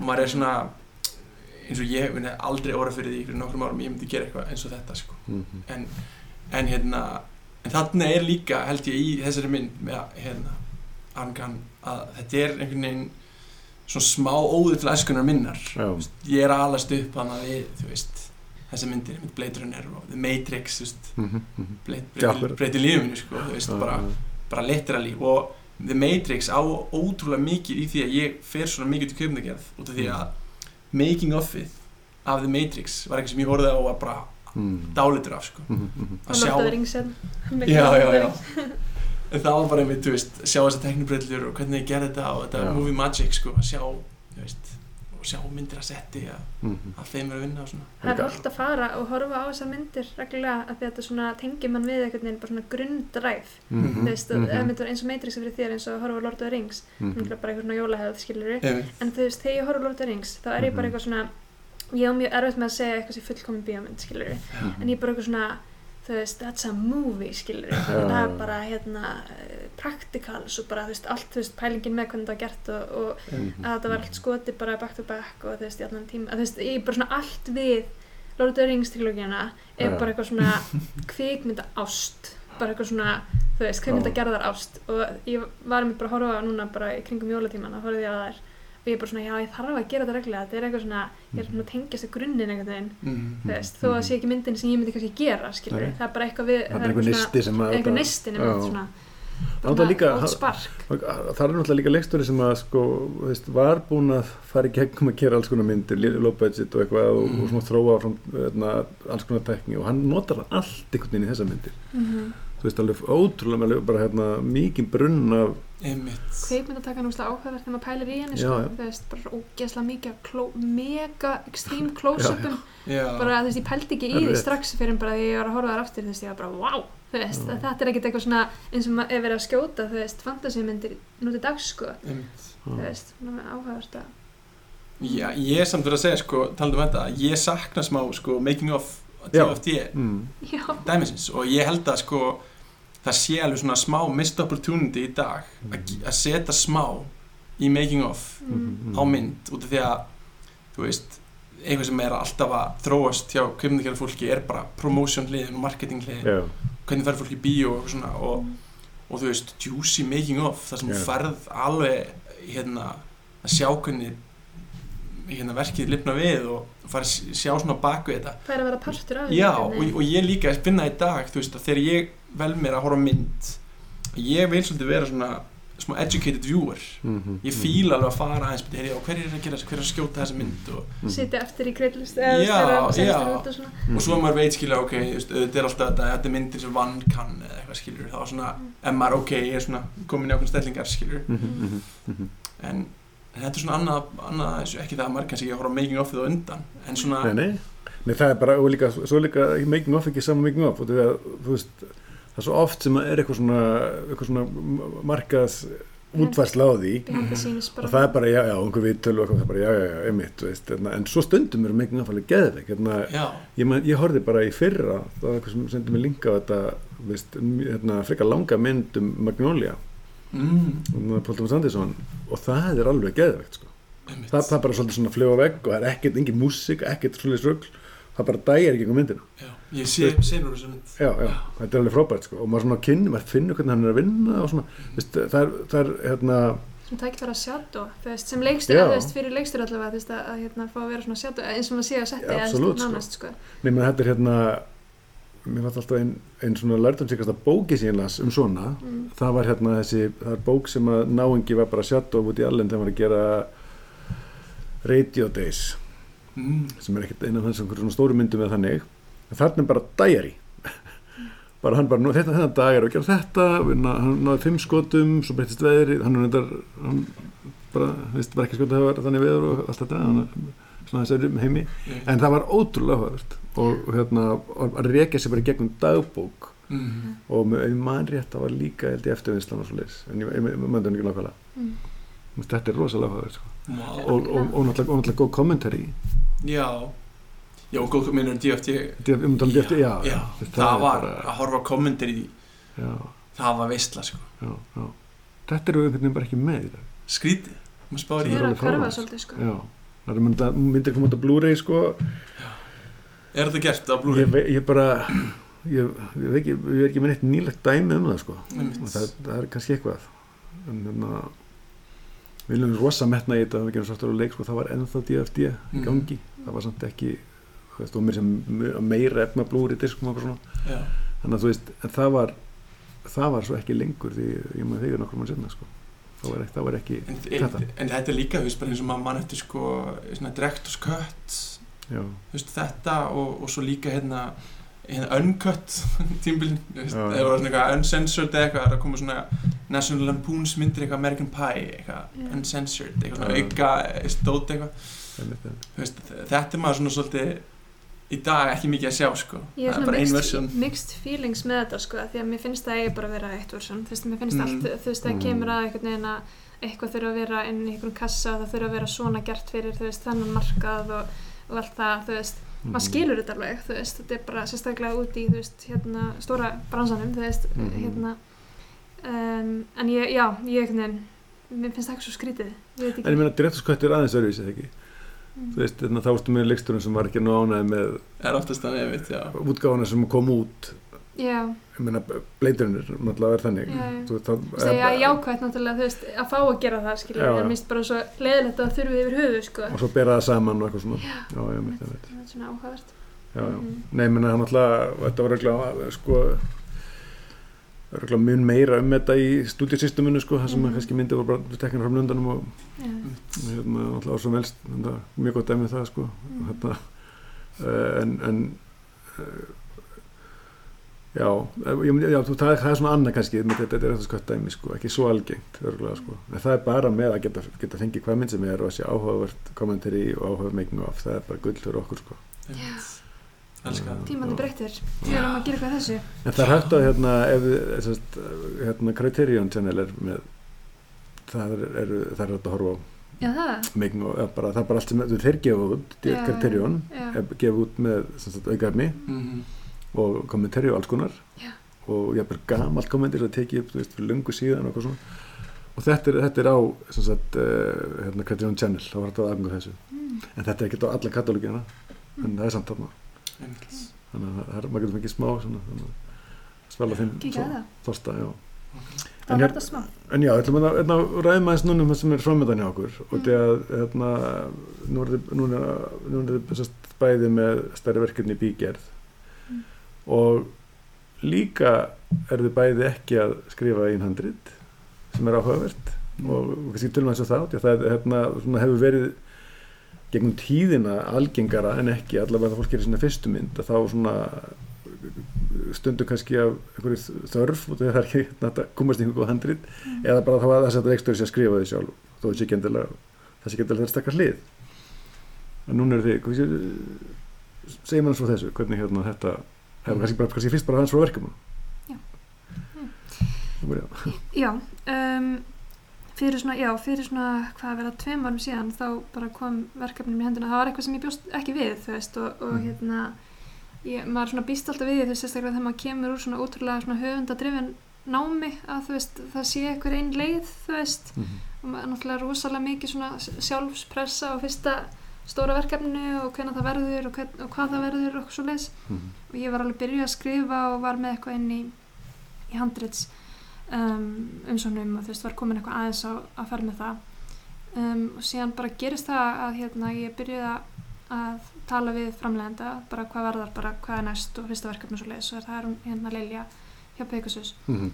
um, hún hefði sem sagt Paperboy og, og við vorum byrjað að tala saman um hvað ég var að gera. Og síðan bara um, gerist það að hérna á leikstjóri sem að ég var búin að sko líta upp til alveg bara síðan ég var bara úlingur sko Mhm. um, sér Blaðberan, sér Paperboy og er með þetta handrit um, og hérna og segir Lilju frá því að- að hérna, hérna sé komið eitthvað mats þú veist og þá einmitt þess að fyndi að við vorum byrjar að tala saman anyways þannig að hún bara seg, segir mér þetta og sendir mér handritið Mhm. þess að handrit sem að heitir Einvera eftir Rúnar Rúnarsson Mhm. og, og ég alveg svona, ég, ég passa mig alveg, þú veist, ég, þetta er náttúrulega, kikkar eitthvað inn, náttúrulega bara, wow, þú veist, Mhm, sérstaklega eitthvað sem að maður hefur, þú veist, tengt svona mikið við verkin hans og þú veist, og, og það er náttúrulega bara mjög svona, fyrsta lagi bara mjög flattering, þú veist, að að- að fá að lesa þetta og hérna, en ég passa mig svolítið að bara svona, ég verða að sjá, ég verða aðeins að sitja með þessu og, og, og taka handrit inn og, sjá hvort að þetta er alveg bara svona raunverulega, það verður að lesa þarna bara sem mögulega leikstöri já, þannig að hann vissi þarna hann alltaf ekki að leikstýra það sjálfur já. Já, ok. og hérna og ég les það og svo les ég það aftur og svo les ég það aftur og aftur og, Mm. og hérna átta mig á því að þetta bara er skrifað í stjörnunar sko mm. Mm. en þess, þetta var bara einhvern veginn meant to be Mhm. og það er bara eitthvað svona innsæði þú veist, og það er eitthvað sem ég reyna einhvern veginn að vill alltaf reyna einhvern veginn að að trúa á, þú veist, og það verður náttúrulega bara sterkar og sterkar með reynslu tíma og, Mhm. og en þá eitthvað kannski í landin en þú veist, ég svona trúir það svona mikið á, Mhm. á þetta svona intuition og, og hérna það sem er svo fyndið er að þú veist, við hefum ekki verið í neinum dialogi á hann, þú veist, ég bara hérna um, sá sko smáfugla stuðmyndin hans, þú veist, Mhm. ég var sko 17 ára og það var eitthvað kveimyndanamski á Akureyri og var alveg bara hún satt í mér alveg bara í marga Mm. daga sko, ótrúlega mynd ótrúlega mynd og hérna um, og vissi bara að það sé verkinn hans og, og allt það Mhm. Og hérna en já, þannig að það var engin dialogur og, og eitthvað og svo lesið þetta handrit og það er bara svo fyndið að, að, að þetta er þannig að saga um, um vinskap á milli lítils bladburadrengs við eldri mann úr sveit. Og það er bara er eiginlega bara eins og hann hafi tekið karakterinn á báðum stuttmyndunum mínum og var þarna með handritum þá. Já, já, og ok það er bara svo ótrúlegt sko. þannig að mm. þetta er strax heimur sem ég er búin að vera já. að skoða og er búin að vera að kafa mikið í Mhm. og ég er að fá fatta allt í henni ég er að fá hana tækifæri til þess að bara Mhm. bæði bara til þess að vaksa sem leikstjóri og gera eitthvað að mínu og, og fara í gegnum hann pakki fyrsta skipti með ótrúlega Mhm. góðu samstarfsfólki með ótrúlega fallegt handrit Mhm. og fá þetta traust Mhm. þannig að ég bara fattaði að þetta bara var það Þú svona, þú, þú veist hvernig á að gera, að, gera þessa sögu, meina, Já, ég- það, ég bara finn það á mér Mm. veist og, og hérna bara ótrúlega mikið hjarta í þessari sögu sem er svo ótrúlega uh, bynd í, í minn hjartastreng sko, Mhm. það sem að hefur verið áður í mínum verkum þannig að þetta bara lág fyrir og, og hérna og þá bara hófst hófst marathónið, þú veist, svo er ennþá í gangi náttúrulega Mhm. Mhm. og þetta er hann fyrir tveim árum og, og hérna og við fórum sem bara að vinna í, í með kveimundum með stöð Mhm. umsóknir og, og þróun og Er þið þá að þró handið eitthvað áfram á þessum tíma eða er það bara tilbúið eða hvernig var það? Sko það var þú veist gott sem tilbúið, þú veist Já. það var búið að fara í gegnum eitthvað ferli og og hérna, en ég náttúrulega tek bara díalóg við rúnar, þú veist við hittumst og tölum um þetta og þú veist og, Mhm. og hérna, og það er kannski ákveðni hlutir, þú veist það er kannski ekki eitthvað svona eh, rýrætt per se, þú veist það er meira kannski bara svona hvað fókus ég sem leikstur sett á þetta og veist Mhm. og hvað veist, hvað ég get styrt fyrir veist, mína sín og við Mhm. ræðum það alltaf fram og tilbaka þannig að sé alveg sem sammála og Mhm. allt það, þannig að ég tek bara svona eiginlega bara svona fínpús, þú veist hérna rand, sem að ég myndi ekki kalla endurskrif þannig sko en það er kannski bara meira til að skerpa hvert mín sín er að fara með það um, þannig að það er randi Þú, sem þú gerir þá? eh, ég geri það, já, já. og bara í, í dialóg við rúnar og. Og hérna og það sem er líka bara svo fallegt þú veist, þegar ég er að, er að fá svona í fyrsta skipti að upplifa mitt fyrir utan náttúrulega svona samstarf þegar kemur að þú veist krúi og töku fólki og svona að fá einhvern veginn að upplifa þetta, þetta svona hérna collaboration við höfund sem Mhm. ég hef ekki gert áður Mhm, mhm. sem er bara ótrúlega þróskandi og en já, svo fer það bara í, í hérna pappirsferlið og Mhm, umsóknarferlið og, og allt þetta og hérna og bara hefur gengið bara ótrúlega vel og við erum með hann að vilja frá köfndamistu fyrir fullum Mhm. styrk um, og fórum hérna til Sarks í Kóparudagsson viljið sér þar núna senasta desember Mhm. sem gekk rosalega vel og, og þetta er bara í Til að fá meðframundur og, Já, og, og gegnum þá þannig að það er kannski bara bara svona restin sem er eftir og, Mhm. og fara að bústa þessu saman og ég bara get ekki beðið eftir að Mhm. byrja hérna að- krúta og, og hérna planna og Akkurat. tala við samstagsfólk veist, það er eiginlega svona mér finnst náttúrulega ótrúlega gaman að setti en mér finnst príprófið svo ótrúlega skemmtilegt ég, bara, ég elska að fara á alltaf þess að fundi og bara tala fram og tilbaka um hluti og, og líka veginn fara inn í það með ákveðinu hugafæri að þú veist, það er svo gaman að sjá þú veist, þegar maður ákveður að treysta ykkur fólki Mhm. í sínum deildum sínum listræðum deildum að þú veist að sjá hvað þau gefa verkefninu þú veist Mhm, mhm. og sjá hvað getur fara að vaksa og bætast við og, og Mhm. hérna byrja þetta byrja hérna stuðið sko En er það, eða, veist, finnst þér mest áhugað, sko, þið finnst þetta prípúðið svona skemmtilegt, sko, Mhm. en ég, ég, skilði alveg, sko, einmitt, þetta skapandi, já, skapandi hérna, hlutan að því, já, svo er líka svo mikið af, hérna, einhverju, þú veist, sem að það bara logistics og, hérna, svona, og Já, svo já. all, alltaf þær pælingar og planleikingarnar og það, en þú, veist, þú, þú líka finnur því því eða hvað? Já, er bara upp og niður að svolsögðu, það er bara hérna hausverkar hér og þar en, en ég reyndar þú veist það sem ég er bara svo ótrúlega þakklátt fyrir að ég bara er að vinna með svo ótrúlega miklu fagfólki núna veist, og einhvern veginn fólki sem ég treystu og gert þetta ofta áður og hérna hlakkar náttúrulega líka til að vinna með veist, mínu samstagsfólki sem ég er búin að vera stabilisera samband Mhm. við og, Mhm. og hérna og ég er bara svona, það er bara svo gott að treysta treysta fólki fyrir því sem að það gerir best Mhm. og hérna og að vera búin að fá eitthvað svona smá svona þjálfun í því að, hérna uh, að, að lífi lausnunum sko Mhm. þannig að þetta verður áhört ég er bara tilbúin í að klífa þetta fjall það verður Með, með, þetta með þetta að finna þegar maður finnir að maður getur treyst sko, þegar maður stundum ekki alveg viss með fólk einhvern veginn sko, sem, sem maður kemst yfir það það er rosalega góð tilfinning, sko, það er bara einhvern veginn. Mhm. Nei, algjörlega, þú veist, og líka bara ákveðin samstörf eru bara eins og bara, bara, þú veist, bara hjónaband, sko, eða þú veist, bara eins og með að vinna með töku fólki og hérna, og framleiðandi og þetta svona nánasta samstarfsfólk, þú veist, það verður bara að vera, þú mm veist, bara ákveði svona, bara mann álgast þetta bara eins og heilagt hjónaband, sko, bara, Mhm. ekki það að ég veit hvernig það er á giftir, en þú veist, bara, þú veist það og þú, held Mm. það, ég veit ekki, en Jú, jú. hérna, akkurat, þetta er ekki að kötta út eða verið vandræðalegt, en hérna, um, En er, er myndi gerast á Íslandi eða eitthvað? hún gerist í Íslandi Já. hún gerist líka sko þó að þetta sé svona saga sem að er svona pínu sveitu borg eins og vorum að ræða á þann þá gerist hún alveg að mestum hluti Reykjavík Mm -hmm. hún er alveg, hérna sagan er alveg bara 78% Mm uh, í Reykjavík sko Var þetta þannig, þannig að þegar Rúnar sko handitið, mm. var hann frá upphafi að, sérst, að hugsa að hann myndi ekki leikstýra, veistu það? sko ég, ég veit það ekki ég get náttúrulega ekki, sko ég hef oftur spurðið þessu sko, því að hann náttúrulega hefur verið að leikstjóra og skrifa sína myndir fram að þessu Mm. og hérna um, ég get náttúrulega ekki tala fyrir hann þú veist, ég bara um, hann er náttúrulega bara svo mikil sögumæður og bara með fullt af, fullt af sögum Mhm, Það og, bara og góður í öðru. handrýtshöndur og, og hérna, þetta er kannski bara eitthvað ferli fyrir hann líka þú veist, og, Mhm. og hérna um, en já, hann er bara það, já, ég veit ekki. Nei, nei, ég, ég er alltaf efna eitthvað þegar ég spyrja þessu það bara svona, ég veit það ekki, ég er bara þakklátt fyrir það. en ég meina, hérna, mér staði ekki það er áhugavert sko af því að já, þetta er- þetta er stuttmyndinar þínar sem að mm, koma þér á annar stað sko já, bara það er svona maður verður bara einhvern veginn að, að trúa því þú veist að maður er að, að setja hjarta sitt allt í það sem maður er að gera og þú veist að stuttmyndir Mhm. eru bara svo ótrúlega góði miðl til þess að læra inn á sjálfan sig sem Já. leikstýra og sem sögumannisku sko, þú veist, og Mhm.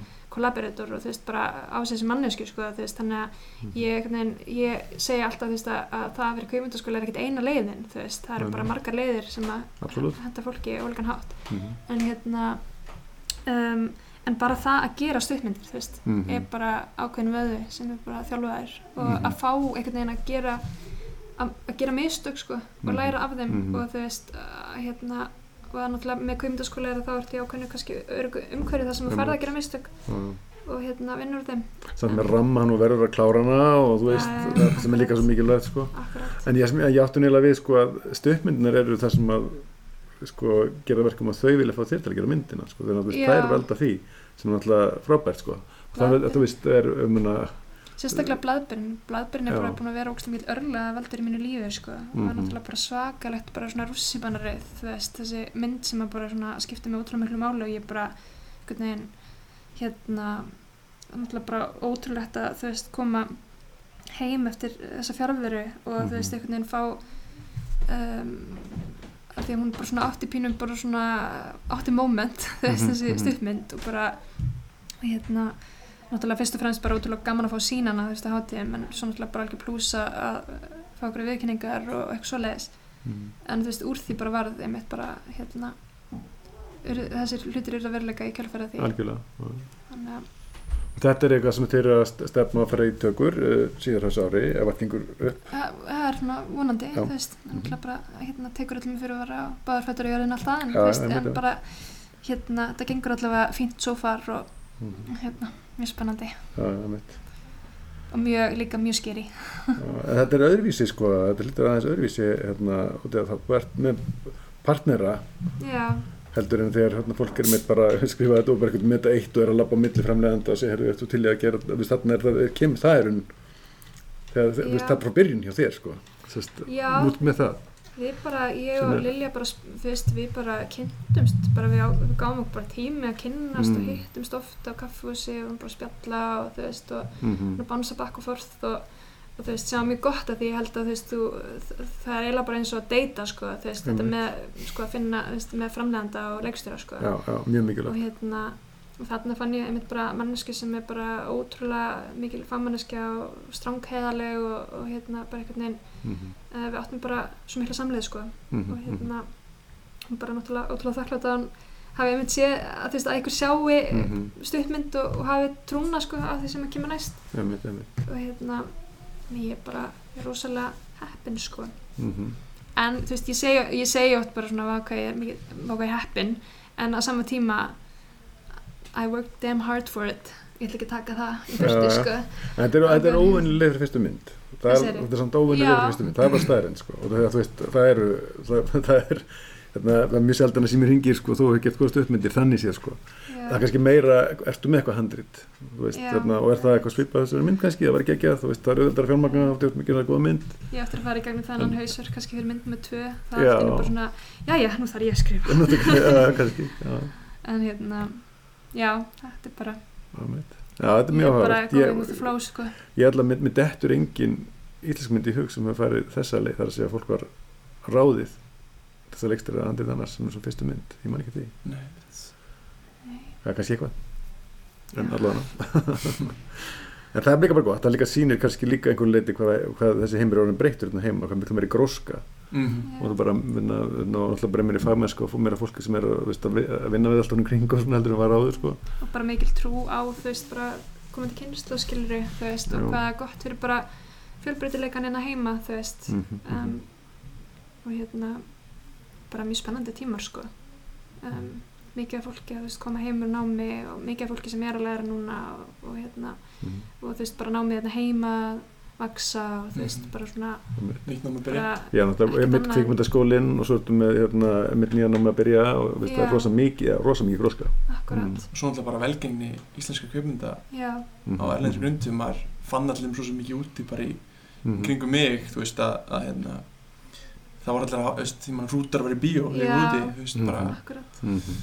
og eitthvað svona, þú veist, Það var núna í vetur Dí, núna í vetur með dýrið sko Og með dýrið, nákvæmlega. Opnaði hvað að vera, þú veist, það var ekki 12-1500 salir eitthvað svona sem ótrúlegt. sem Það algjörlega, ótrúlegt sko. Já, Það kemur sér vel á erlendri grundu hvað við erum lítil sko. Þú veist, það verður ekki tekið í burtu að þú veist, það, hérna þó að það sé gott hvað bransin er að vaksa hérna heima sko, þú veist, það séu fleiri bíómyndir og fleiri verkefni og meiri fjölbreytni og allt það það er svona, þú veist hérna, það, litla Ísland fær mjög öðvitað að skína þú veist, á hérna, á svona alþjóðlum vettvangi skilur við, sem er bara frábært þú veist, og við erum líka svo vel staðsett. Við erum einhvern veginn brúin á milli já, Norður-Ameríku og Evrópu sko, og akkurat. Mhm. tölum svona til beggja. Margar tengingar. Já, Mhm.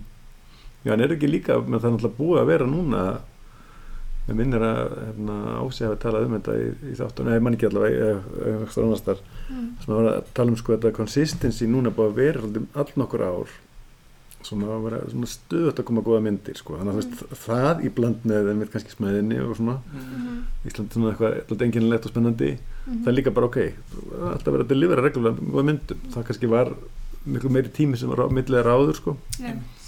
það, þá var svona allt í nörð þetta, hm, hörðu, hérna hérna, tekka næst íslensku, íslensku mynd, eða skilji, það, Mhm. Já. það var ekki mikið að segja líka, sko, og, það, og einmitt kannski fjölbætnari líka.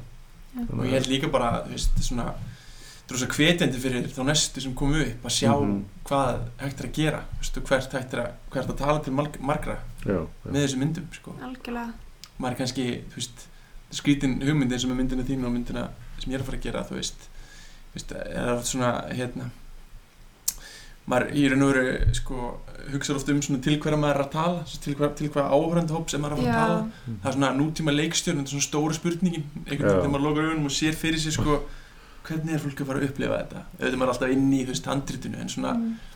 þú veist hérna, eins og ég vinn stundum hérna, líka svona auglýsinga tengt dót eitthvað Já. hérna, og þá er það alltaf skilur ok, ef maður er að vinna þetta fyrir síman ef maður er að vinna þetta fyrir tölvuna, hvernig er umhverfið þú veist, Mhm. já, og þú veist, Netflix er einhvern veginn svona eða svona þessi streymist er svona pínu óvinnur út af því þú getur ekki stýrt aðstæðanum sko Já. það sem þú gast gert og ég öfunda hérna, þá sem koma undan mér með þetta að geta manipuleita aðstæðanar sem er svarta sall, Mm. 100 mínútur Mm. fullt af fólki með Mm. pop og kók, gott hljóð gott ljóð búið að testa litina Mhm. þetta er bara ready to go, þeir eru að sitja hana ok, kannski ganga þetta hlje Mm. en þú veist, það er þá Mm. bara partur af upplifin sko. Já. í dag er maður alltaf svona að hugsa, auðvitað, þú veist, reyni ég eins og ég get að hugsa þetta er leiðin, sko en, Mhm. en, mjö- Svona en sta- balansi. staðrendin er svo að þú veist, íslenska kvömyndir ég meina, þú veist, ég hef séð margar íslenska kvömyndir í flugvel mjög mikið íslenska Mhm, kvömyndir mhm, og þegar maður er kannski mistað í bíó og þetta er svona einhvern veginn aðgengilegasta, aðgengilegasta leiðin til að horfa það Mm. það er bara þannig. Já, það er bara þannig. algjörlega, þetta er bara svona balansin á milli þú veist, einmitt bara svona respekt í audience og líka svona uh, hvað maður vill gera sjálfur sko, þú veist, að finna það var kennari í skólanum sem var alltaf að minna okkur á þú veist, handriskennari, að, að byrja virðingu frá áhörnandunum, Mikk, hvað Já, það já. var ekki Mikk að kenna Mikk, jú, það heldur betur, það var hérna leiðbennandi minn, hann er í miklu uppaldi á mér Já, hann er frábær. Hann er sko, hann er náttúrulega mikil íslensvinnur og var alltaf með námski hérna já, á ok, við um kvímdum. Hérna, pappi fór á eitt svona námski hjá ekki? sko, bara in the 90s Bara, já, já. Ég mændi því sko. Þannig þar, ég fór, sá hann fyrst sko bara í háskóla bíó hérna fyrir stóran sal bara hérna þar sem hann var að, hann er einstakur sko já. en hann er mitt komið hann, hérna, það var svona tímandir hans voru svona óhef það, veist, það var ekki kannski mikill Mm. struktúr en allt sem að maðurinn segir er bara eitthvað svona þú veist það er svona gullkotna þú veist Mm. mm. glósurna mínar frá þessum tímum eru bara svona gullkotna glósur Mm, þú veist mm. bara svona vegan þú veist veganasti það er bara svona respekt í audience þú veist fyrir hvernig það gera myndina þú veist Mhm. maður Já. er auðvitað að gera þetta er ákveðin svona þerapi að gera að segja sína sögu veist og, Mm. og, og að tjá sig skilur sem listamæður Akkurat. en veist en, en hvað svo þú Já, já, veist já, já. Og það er það sem er svona þú veist gaman að sjá balance. þessi balans sko, þess vegna svona, uh, svona þegar maður sér eitthvað svona myndir sem eru alveg bara svona súrar en allt súrt sem maður skilur ekkert í og er bara eitthvað svona alveg bara crazy og það er maður svona bæði en maður bara svona Mhm. já gott í þessum listamenni að fá að tjá sig á þennan hátt Mhm. en á sama tíma hvað ég að gera þetta Mhm, mhm, mhm. hvernig ég að horfa á þetta veist og svona þannig að gott að þetta í huga Svona Ég eru þið, myndlist. víst, það, ég meina, já, er það kannski, er kannski svar spurningur en hún var, víst, var kannski þetta, víst, hugsiði mikið um um þetta, víst, hérna, hérna, þetta vilji ná til mikið fjölda, meina, það er nú annað, það fór á Netflix, þá, vantilega náðu til mesta fjölda hans. Mhm. Mhm. Ég, það er það en þú kannski Já. ekki feedback, einmitt en, en, en þú veist að flestir eru að horfa á hana, þannig, sko. það finna er sko, ég held að allir eða hefur svolítið verið þannig nýlega allir íslenski kvikmyndagera menn Mm. ganga í gegnum svona eldskýrn og það er háskóla bíós hérna hátíðar fórsýningi í háskóla bíó og þetta er svona, þú veist eitthvað sem maður hefur farið Þú vissir svo mikið áhörðafjölda samt með því að hafa fullan sal og húrsýningu í háskóla bíó Það er bara svona allir, þú veist, allt þetta fólk er ekki að fara að borga sig í bíó sem er að fara að borga launin þín, sko. Já, Þú veist, það er ógst að fyndið. Þetta er allt fólk sem þetta. Sér já. Já, nei, en Það þetta er er allavega svona fyrir mig allavega rosalega svona hérna, nálægt mér í hausnum þegar maður hugsa um eitthvað svona Mm. Maður er bara verandi inn í hérna kvikmyndasinn og verandi kvikmyndagerðar maður hefur maður farið mikið á þessar sýningar ég, Mhm. og þetta er svona orðið svona skemmtilega hefð einhvern veginn að, að þetta virðist vera svona svolítið okk íslenska leiðin sko, Mhm, að mhm. ráskóla bíó hérna, Ekki salur eitt miskila mig sko. þetta klárlega að hendi eitt svona partí, sko En- þegar að myndi klárast En, en á ókastunum var að svo, svo lengi var þarna einhver mikið lélegri projektor. Já. Það var alltaf bara að tala um hann er að sína. En hann, hann er ekki lengur, sko. og hljóðin alltaf ekki fullkomni Nei, svo hljóðið er vitt, sko. Þú veist, hérna, hérna, ég mann ég var að testa hljóð, sko. Svo hljóðar bara allt er sem fullin sal. Það er bara akustikinn breytir, það er komið fólk í sætin. Og einhvern veginn öðruvísin, öðruvísin, öðruvísin salum sem er, Fara með eilsvöldlega já, ég, sko, ég, sko hins aldrei er meira með teppi og þú veist, það er, það hefur öðruvísi áhrif, sko, þetta með hljóðið, sko. Það er alltaf mjög svona epistöð með Ekki dissa þúsund háskóla bíó bæði þetta er einstakur salur. Frábært venjú Já, já, en þúsund manns á sýningunni er alveg frekar komið það er geggjað, sko. Já, algjörlega Já, já, Bara svona, þess að fagna og, Já. já, já. hérna, og líka bara fyrir þú veist krúi og aðstendendur og leikara þetta er bara svona smá Já, já, partí þetta er uppskýrið hátíð. uppskýra á tíma Hérna, sem segja mér Erlendur frá, frá myndin sem þú ætlar að sína í háskóla. Já, sem við Já. Háttið fórsýningunni Þúsund manns. Nei, það er gaman sko að heyra þessa sögu út af því að þú veist, það er náttúrulega bara þannig með okkur öll að við, það er- það er engin ferill eins einhvern veginn, við komum öll að, úr mismunandi átt inn í þetta og, og hérna, til þess að koma að næsta verkefninu mínu þá kannski er að spóla tilbaka hérna um, 2018 þegar ég klára skólan Mhm. Þá hérna var uh, ég að fara til Los Angeles. Uh, það stóð, ég stóð fram fyrir því að vera að fara til Los Angeles.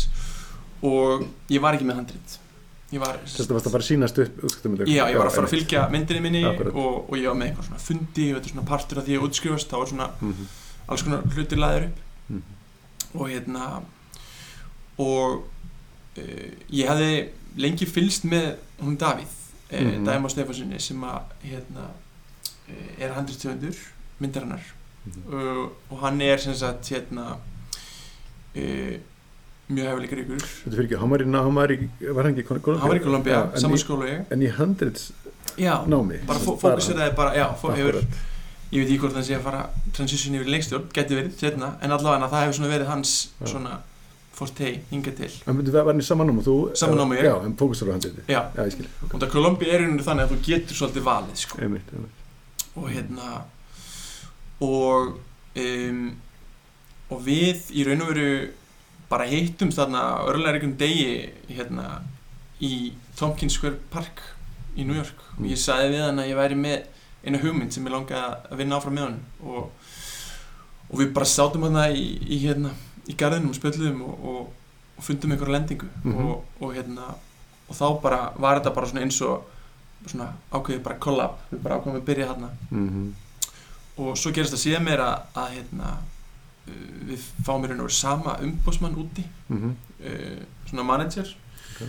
sem að svona stígur svolítið inn í þróununa með okkur og þetta er hann 2018 og þetta handrið er svolítið búið að vera svona hérna e, á smá ferðalegi Mm. hingað til búið að vera bæði bara lenda á borðinu í alls konar alls konar fyrirtækjum og, og Mm. hérna og þetta er svona mynd sem er svolítið óheðbundin íslensk mynd Mm. að því leitinu til að hún er uh, hún gerist núna, hún byrjar í London og fer svo á afskekta eigu í Allandsafinu og þetta fjallar er einhver um sagt, gjörningarlistamann Mm. og svona his disciple, lærlingin sko.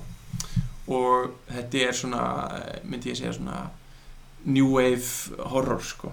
ok. spennandi og hérna, já, og mjög svona um, myndi ég segja svona djörf Hún- við fáum að heyra þeim í regla, hún sé mjög djörf og svona átið þér Ok. og hérna og þá er líka það sem ég hrefst að með Davíð er að, er að það er svolítið gaman að, að, finna svona rosalega mikil höfundarenginni frá einhverjum höfund, höfundi Mhm. mm. þegar maður lesi eitthvað, það sér eitthvað sem einhverju er gert og, og ég veist að mér bara wow, þú veist og þegar ég einhvern veginn, mína stuttmyndir auðvitað munir tala inn í þessa mynd Já. en, en svona ég er svolítið að stíga Mhm. aðeins út fyrir mitt svona comfort zone sko. kemur samt með hennan svona ráleika sem að þú hefur verið svolítið að skoða líka já, og, og, og líka svona þennan kannski svona þessi munur objective og subjective nálgun, þú veist, Mm. að, hérna, sem ég pælir rosa mikið í sem er, þú veist, eftir að segja mynd sem er frá bara sjónarhóðni eins karakters og þetta Mm. algjörlega upplifa það Mm. eða eftir að horfa á fólkið og pæla í hvað það er að gera hvað veit hver veginn. Já. Já. og þú veist og, og ég veginn flokka myndir svolítið oft í þessa tvo, tvo Mm. hérna, hluta sko. Hvo- Hvort er þessi? þessi myndi ég segja að þetta er subjective upplifun Mm. en alveg eins og í Canary þetta er subjective upplifun frá lærlingnum Mm. hans mynd eh, en þessi mynd svona á það til að stiga frá Mhm. og kasta svolítið svona spurningunni hversu langt göngum við fyrir Mm. veist, Mhm. hva, hvenær erum við komin fram úr okkur sko. Um, og þetta er vera mjög svona krefindi og spennandi ferli og stíga eins inn í þú veist þennan banderska heim Mhm. og, og hérna og vera reglulega að pitcha og, og, og hérna og líka vera einhvern veginn svona að einhverju leiti þú veist, ótengdur Mhm. hérna þessu öllu og þetta er allt bara einhverju svona klukktíma fundir með einhverjum, Mhm. einhverjum framleiðendum að núti Er þetta mynd sem er á ennsku mikið? eða- já, bara, bara, bara, bara ennsku mynd Já, já, ok. já. Mm. bara ennsku mynd og var upplega skrifið sko New York hérna, Mhm. uh, eigin Mhm. en er núna komin í London eigin Þetta er eigin, byrjar hún í eða er þetta er svona, þetta er Ísland en það er svona, Það er ekki talað um það er ekki talað um það sko Mm. Ég skil, ok. þetta er gaman að senast var það ekki dagakværi sem að gerði The Good Heart sem er, sem er einmitt hérna á New York einhvern bar eða þú veist var svona ekki ennsk að, ég var að vinna í henni, já, að- skriftaði hana, já, það skemmtilegt. Þannig að það er komið svolítið it's, it's way do It's way að to, hendi já. hérna, hendi hérna ennskumælandi íslenska mynd. Nákvæmlega. Mm. en já, þannig að það eru náttúrulega bara mjög svona spennandi framþjóðanir búin að vera að gerast upp á síkastið en hérna, auðvitað er þetta náttúrulega bara eins og með allt. Maður hefur ekkert í hendi fyrir maður er Mhm. komin í háskóla bíó Mhm. maður er Sal- alltaf eitt sko maður er alltaf bara eitthvað svona tilbúin bara, já, hvenær gerist eitthvað? Já, einmitt, einmitt. Mhm. En það er náttúrulega svona og það er svona hérna ég upplega allavega svona smá challenge að koma úr skóla veist, og koma til Íslands einhvern veginn. Þetta er algjörlega svona þú veist, þetta er mjög svona krefjandi skipting að þurfa allt í að hérna, fara í fullarins hérna, Já, nú, nú, já, nú er bara búið með þetta. Ég get ekki, ekki verið að stefna það lengur. Nei, ekki- mynd. en, hérna, en, en aftur, þú veist, þá erst þú líka hérna með partnerinn og veru Mhm. þannig að þú ert ekki einn í þessu, þú ert ekki einn að pizza eða, eða kannski eftir einna pizzastundum en þú allavega, þú veist, þetta er, já, þetta er eitthvað sem þið eru með saman þetta er eitthvað, svona, já, svona partnership sko. já. og það er bara rosa gefandi og þetta er hans handrit algjörlega og og þú ættir hugmyndin uppalega er svona, já, ég átti svona hugmyndinu og náttúrulega búin að vera í díalógi hér um allan enn tíma já, já, já. en hann algjörlega bara á handritið Mhm. og hérna og þetta er bara eitthvað sem ég hérna kann rosa vel að metta að vinna, vinna svona og, Mhm. og það er líka þú veist hérna uh, það er líka mjög áhugavert að út af því að ég svona, pældi mikið les svona frekar mikið á bókum pældi mikið svona, hvort maður er að taka einhverja bók sko, sem er svona kannski meira svona traditional en, en eins og hans hérna nálgun að að koma einhvern veginn algjörlega úr bara einhverju svona einhverjum hugarheimi, bara eins og Mhm. Kaufmann eða eitthvað, Mhm. Þá bara þá gerist einhverju ótrúlega hlutir spennandi alltaf með, þetta ég hef gert mikið bókum mm. það er sko, aftur, aftur á þessu þetta ég hef verið með eftir ekki þessi mitt sko, með, hérna, með þessast áhörunnar Já. þá ef að bókin getur komið með svona aðeins tilbúið Mm. eitthvað awareness sko Þú veist, það er náttúrulega ekkit endilega sko eitthvað einfaldara mál að gera þenni mynd sko Nei, eða, eða jafnvel fjármagana en það, er- veist, það er samt bara þú, veist, það er allavega þetta er, svona, þetta er tengt ykkur sem er til og undan sko. einmitt og það er náttúrulega líka hérna ég veist, er ekki allan að ég upplifa þannig að þú veist, þú ert náttúrulega komið með svona ákveðum momentum um leiðu þú komið réttin á bókinni og ert svo að fara að gera myndina Já. þá einhvern veginn svona fólki sem les, bó, las bókina Mm. mun langa að sjá myndina Mhm. og, og þá ertu líka komið með rosa mikið af líka smá pressi líka sem að pressi þetta að pressi í þessu eitthvað alltaf pressa. Já, já, já, já, einmitt og hérna samanbyrður akkurat og rosa oft þetta heyrt sko bókin sérstaklega mikið betri. fanbase sko. sérstaklega er Já. alveg svona mjög dedicated fanbase það er Akkurat. alveg en með Lord of the Rings? Þetta er eins og mjög gott með þetta. Það eru bækur. Mm Nei, ég meina, það eru alls konar verkefni sem hafa bara verið flott það er erfiðar að samt að sjá hérna. bíómyndir fyrst og svo ætla að lesa. Mér finnst það mjög erfitt sko. Ég er ekkert, ég haf mikið lestraðustur í varinu sinni en mér finnst erfiðar að, að því að ég hérna sá Lord of the Rings ég var ekki búin að lesa þér mm -hmm, það er miklu auðveldar að lesa eitthvað og langa svo að sjá eitthvað mm heldur en að sjá eitthvað og ætla síðan að henda sér í bókina. Fyrir mig allavega persónulega, kannski Já, ekki fyrir aðra en ég er alveg bara öðruvísi upplöðin, ég meina, ef þú lest, lest, rings, ef þú lest það sko Já. það er það er búið að búa til. það er bara að búa til þú getur bara svona, öðruvísi lesi, já, öðruvísi upplöðin, já. Eða, veist, ég veit ekki, bara hérna ég get alveg að sumir fíli það einmitt, sko. Já, og, hérna, og það var einhver sem var að segja mér nýlega einmitt, sko að, að, að, að, að, að það væri merkilega algengt. Þú veist, hérna, bækur taka alltaf kipp alltaf í sölu já, þegar bíómyndin að koma. Þannig að það er fullt af nýju liði sem fer að lesa veist, þannig að það er alveg sem mun þá vantalega allavega hafa sér plakatið eða Mhm. mm -hmm. plakatið er á bókinni sko. Mm. Þá þarfstu bara að koma með kasti sko þannig að það spreytir kannski upp lögin mm. en þarna en þannig að þessi mynd er þá hvar stödd núna Sko nú er hún í eh, svona þessum leikara hérna, mm. krulbill þar sem að það er sérst komin aðaleikari Mm. sem fyrst og hlutverki er, við erum bara að landa því og nú er verið að leita að mótleikarum Mm. sem sérst svona ja, mót, móthlutverkinu og hérna þannig að núna er þetta semst í raun og veru hjá þessum, þessu talent agency þar sem er verið að Mm. fá, að fá hérna, ákveðna leikar til að lesa handriti Mm. Mm. og þannig að nú maður bara með hérna, fingers crossed hefur líka svo mikið að segja um fjármagnið þú veist, þegar þú komin út sko, Já, veist, að fá ákveðin nöfn inn skilur þú veist, og hvaða leikar að verða hefur svo mikið að segja um, þú veist hverju koma inn, þú veist, Mhm. að fjármagna meira eða þú veist, svo- koma inn í þetta að selja þetta, þú veist, eða eitthvað skilur Mm. hvort hún verði eða ekki. Öðruvísi, já, það er svona öðruvísi þú veist, casting einhvern veginn hefur allt annað vægi einhvern veginn.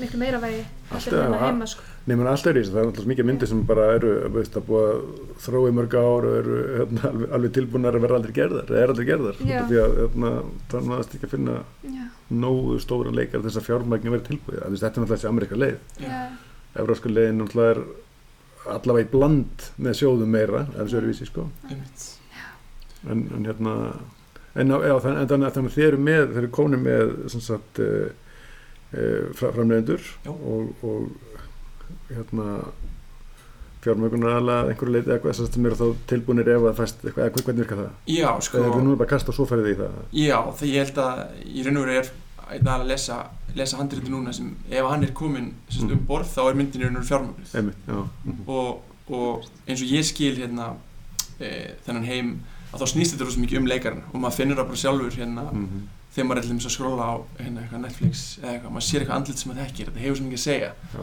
og, og það eru bara svona ákveðnir ákveðnir leikari sem hafa þetta sko mm, og, og í þessum, þessum marketing heimi held ég að það er alls konar svona tól í þessu það eru einhvern veginn þessi lore all á þessum hátíðum og svo eru það leikararnir og, og eins og bandaríska mótili virkar um, eins og ég skil það að þá er það í raun og veru þannig að þessi talent agencies sem er þarna WME og CAA að þau í raun og veru package myndinar þannig að þau eru með leikar á sínum snærum mhm. sem þau búa til í kringum eitthvað handrit og segja þú veist að það er þessi leikstjóri og svo er það þessi hérna sem er hjá okkur.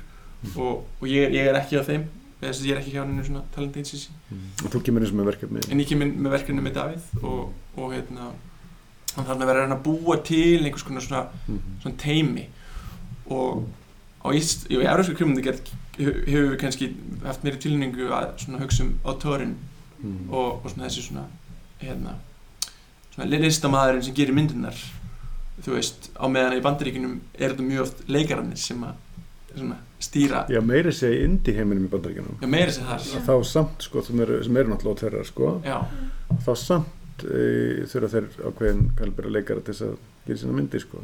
Finnst það svo gott dæmi hérna uh, Darnar Aronofsky eftir mann var að tala um hann og þá sagði hann uh, þegar var að gera The, Wrestler uh, þá var kekki mynd. Já sko það, hann vil- hérna, alltaf fá mikil úrki í þessa mynd og bara hérna, Mhm. allir vita okkur það er. Um, en hann gæti ekki fengið fjármangi hérna og þetta var ódýr mynd á bandarinska mæleikar hún kostaði 5 miljón dólar og svo og bara gett ekki. Og bara búin að fara út um allt. Og Aronofsky er stór snabbt og hann er áttur og, og svo framvegis. Mm. en hann, þetta gekk bara ekki upp. Og þá skipta þetta eftir hann að skipta. Og ég er Nicolas Cage í þetta. Og Nicolas Cage er, hérna, þá var hann hafa nót þess að fjármagnin segja já og svo bara einhvern veginn yfir helgin að fara hann bara rosa eftir sér bara neti er bara ekki rétt og hérna einhvern veginn ég verða að láta það virka með mikil, með þessu rétt moment núna með mikil orku og hann, og hann ringi og hann bara gera samningin og eitthvað svona við Cage en hann ringi bara í hann.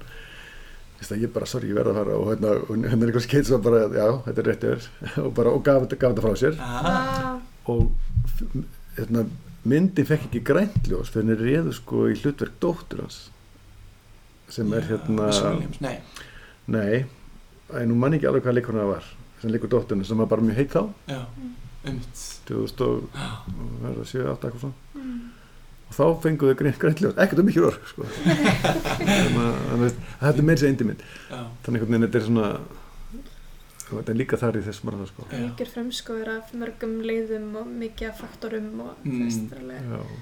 alltaf að læra eitthvað nýtt sko. Einmitt.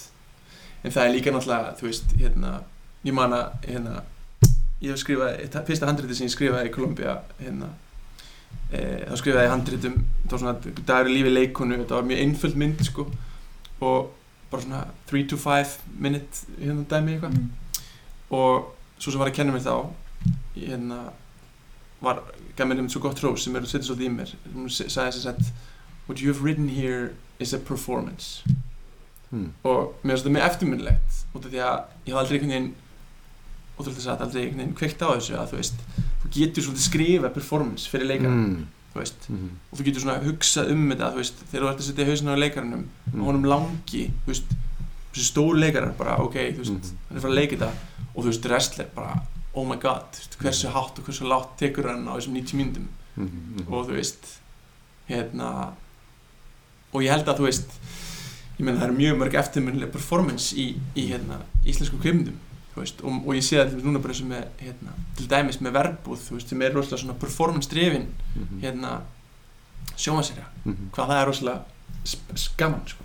Mhm. það er rosalega samt svona tricky subject með sko hvernig maður er að skrifa fyrir veist, Mm. þetta með, með sko hérna um, er maður að skrifa fyrir leikaran eða er maður að skrifa karakterin skilur eða þú veist, fattur mig, þetta er svona þú veist, það er náttúrulega ekkert endilega extremes eða eitthvað svoleiðis, þú veist, Mhm. en bara svona Mhm. Um, hvað hendar hverjum á einum þú veist, að aftengja sig algjörlega, algjörlega öllu sem að kemur á eftir handriðinu Mhm. eða hvort að þetta sé, sumir náttúrulega vinna svona hérna devised, þú veist, bara Mm, vinna Já. með, eða þú veist, hérna skapa karaktera með leikurum, þú veist, það er Mhm, allir háttur á því Einmitt. það er bara svona svona mörg, mörg sjónararn einhvern veginn Já, á það og þú veist, og hvort að það gerir verkefni betra eða hvort það stendur í vegi fyrir einhvern veginn, að Mhm. þú veist að skrifa, að skrifa fyrir, sem sagt, fyrir leikara já, En þetta er náttúrulega samt, eiginlega bara, er þetta ekki bara, einmitt, ef það er gott, ef það er vel skrifað, sko, að þú veist, það, það er sem áttu við kennarinn, þú segir, sko. já, já, veist, þetta er bara, hér ertu bara með eitthvað sem að leikara munu bara, á, veist, ég geta hérna, upp einhvern veginn já,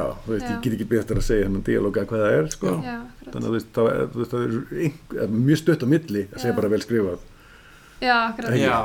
Ég held sko að það var einhvern veginn líka svona í þessu handriti, veist, sann í framhaldinu sko, það er alltaf áhvert að á fólk ljúa þegar þú veist að það er að ljúa Mhm, mhm, mhm, on camera sko.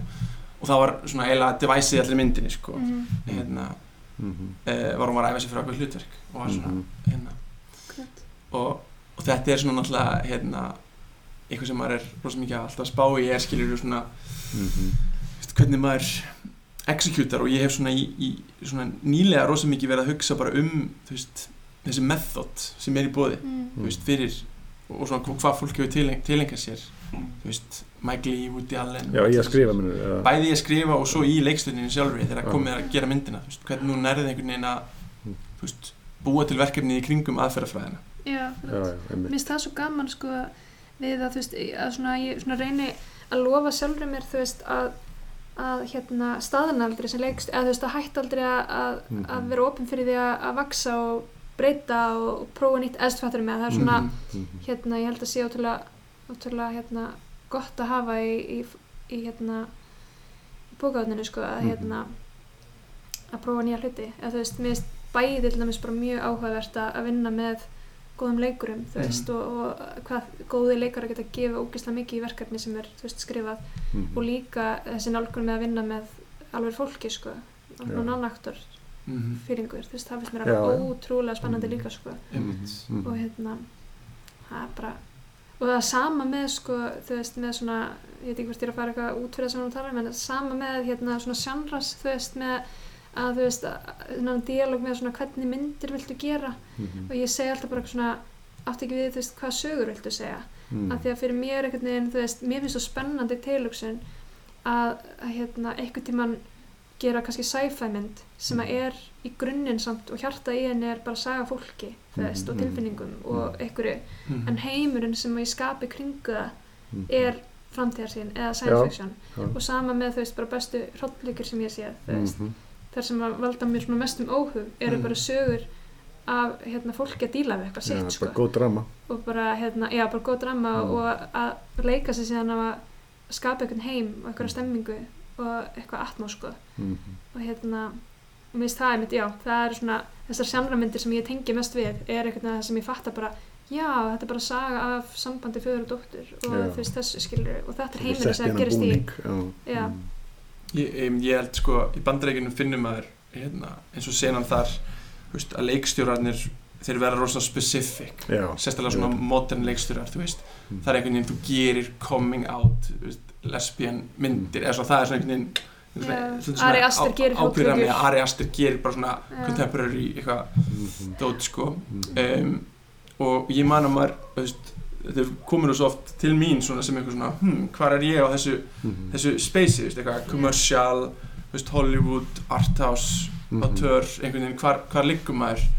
Og það er bara til dæla nýlega sem ég er einhvern veginn búin að bara algjörlega setja mig það, þú veist það er alveg saman hvað ég geri það mun alltaf vera mín, mitt Mhm. eða þú veist, Mhm. og því að það er svo oft þegar maður ég upplifði það þannig að þegar ég er komin á á setti lesa handrit að ég er þú veist, að hérna leikstýringur senu Mhm. þetta er svo mikið bara í maður og tilfinningun og maður er búinn að vinna vinnuna þú veist og, og myndin mun þá alltaf verða einhvern veginn persónleg akkurat, Mhm. verða mann einhvern verða mann segin Það er rosalega gott að taka, veist, að þetta, þetta skiptir einhver máli. Jú, kannski skiptir þetta máli ef að þú er búin að græða ógeðslega mikið pening. Þá kannski þarf þetta að hafa eitthvað hluti í það.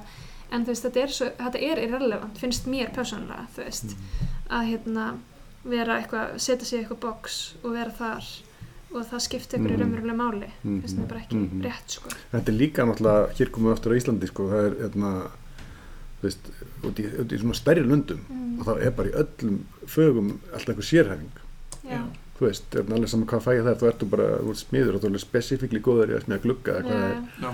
Og, og þú veist, við hérna erum alltaf, þurfum alltaf svona einhvern veginn að kunna allt, sko, já, og þú veist, þá, þannig að það, það er einhvern veginn gegn eðlu okkar að þurfa að fara í eitthvað box.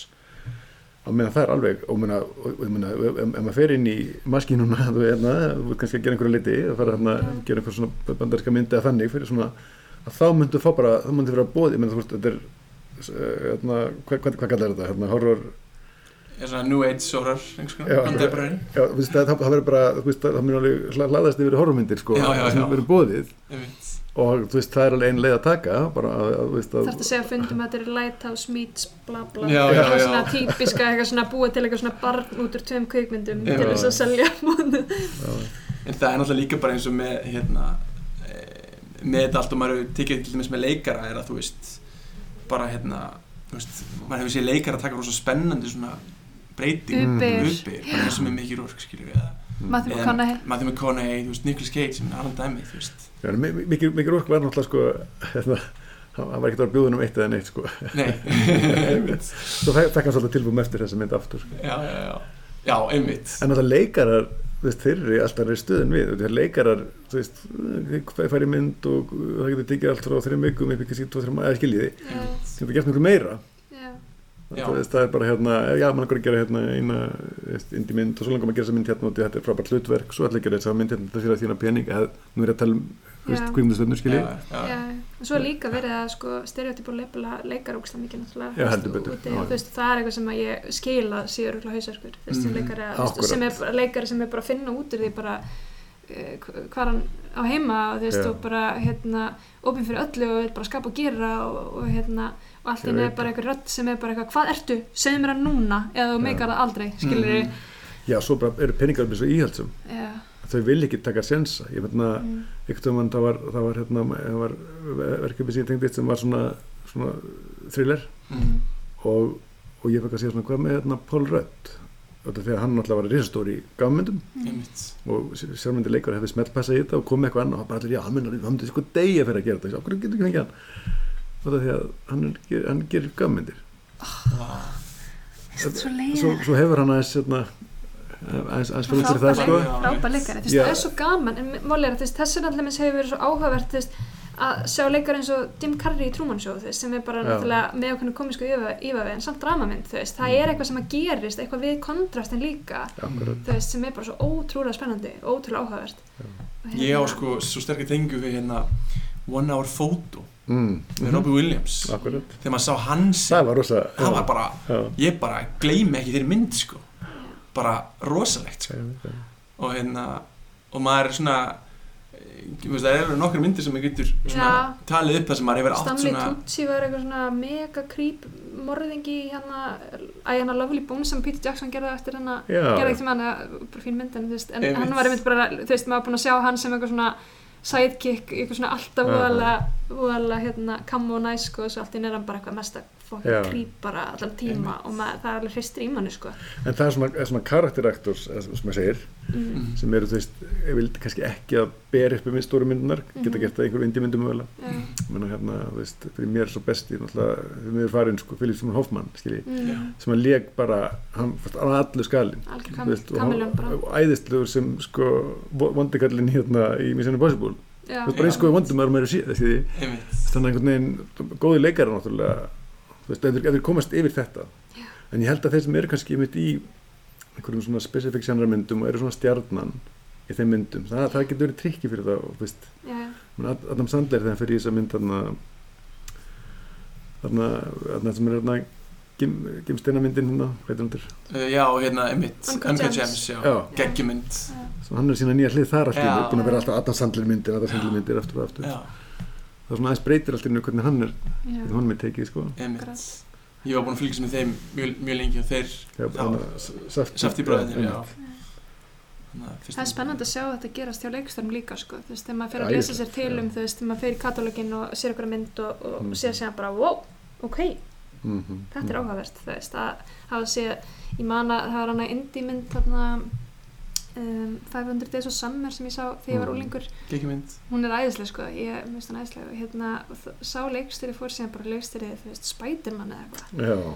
Og hérna sama þú veist uh, meðan sem að gerði hana fyrstu sómyndina þú veist í, áður en að koma síðan 13 aðrar eða eitthvað. En þú veist hérna mjög sterkrindar hann gerði ég er svo pínur hróttleiki nöli sko en hann gerði hann var með mjög sterk auðvendenginni í svona hróttleikum hann gerði hana Conjuring þetta er Mhm. bara já, svona ógæsta solid bara svona draugamynd sko veist mm, og hérna og hann fór síðan bara, herru, ég ætla bara að gera nýjastu Fast and the Furious Já.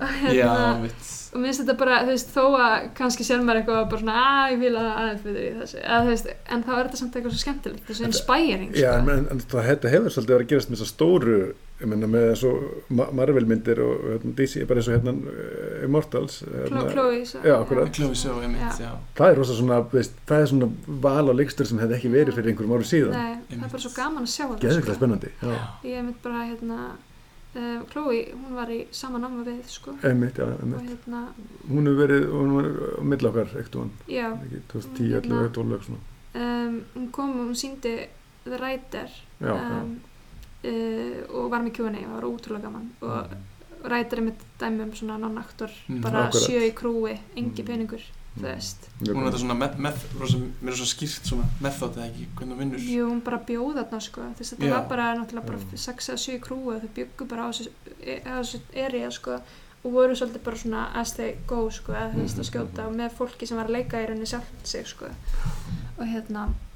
mjög áhugavert. Nú- nú- Og nú- sidetrack. Nómadland er náttúrulega að blanda Já, akkurat, akkurat. en ég maður svo sem ég sé þú veist, hún getur ekki verið að gera í, í, sko, í Marvel getur ekki verið að skjóta allt í hérna, ljósaskiptunum sko, Nei, einmitt, það er náttúrulega svo mikið lukk en það er það er gaman samt að rosa sjá þetta að en það er samt rosa gaman að sjá þetta opnast og Já. sjá einhvern veginn að að það er verið að sækja í þessa independent leikstjóra til þess að Mm. sjá hvort það sé að fá eitthvað nýtt höts á eitthvað Mm. sem að er búið að gera með ákveðnum hætti alltaf, Mhm. þú veist Algjörlega. Það er bara mjög spennandi að vera partur af því sko. Það er alveg meira realistik draumur að hendi ykkur að stóra blockbuster mynd ekkert tímann þegar maður vantar að kaupa sér hús eða eitthvað. Já, svo er annar náttúrulega bara þessu teng Já. það er náttúrulega sjómasheimurinn já, Já, akkurat, þú veist, það er náttúrulega hérna there's the man yet? Ég meina því, því, því, því kom út úr námi þegar það er enn byrjað. Nákvæmlega. Og meina vantar einhverjum sem þegar verið með námi hafa farið la- labbað Já, svolítið inn í já. þá maskinu eða ekki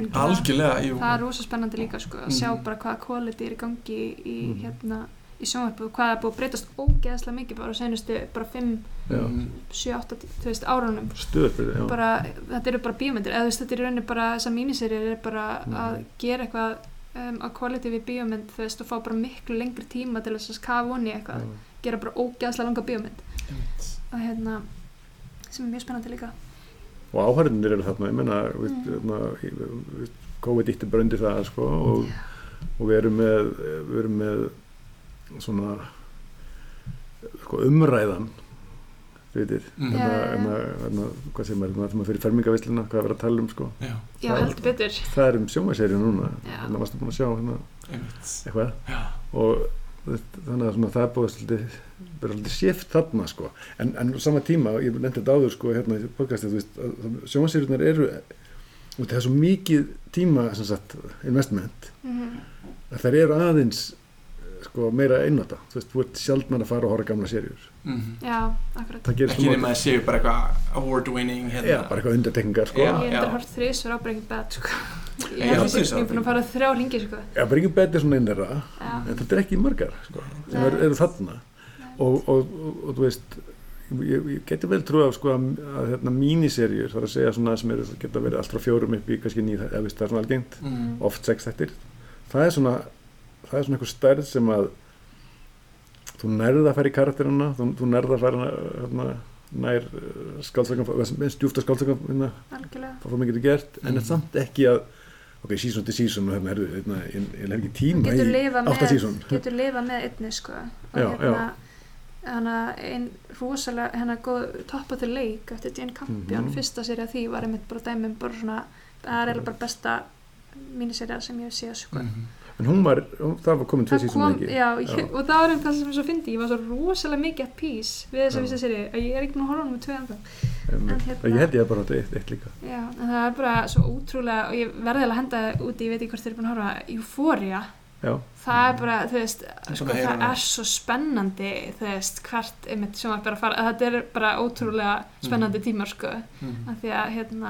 Er svo skapandi þú veist, Já, það er svo já. mikið og veist, það er svo mikið bara að vera að gera hluti bara the system og gera eitthvað nýtt og ferst og, máli sko rosalega meðlega eindrið með þessum þáttum veist, þetta er náttúrulega erfitt að þú veist, maður finnur að því hérna eldri sem maður verður, það er erfiðar að stíga inn í úlingaserjur, þú veist, Mhm. einhvern veginn svona maður, maður verður svona minna relatable, þú veist, í hérna en, en ég fann það ekki með þetta, þetta var bara ótrúlega mm ótrúlega áhverð, sko.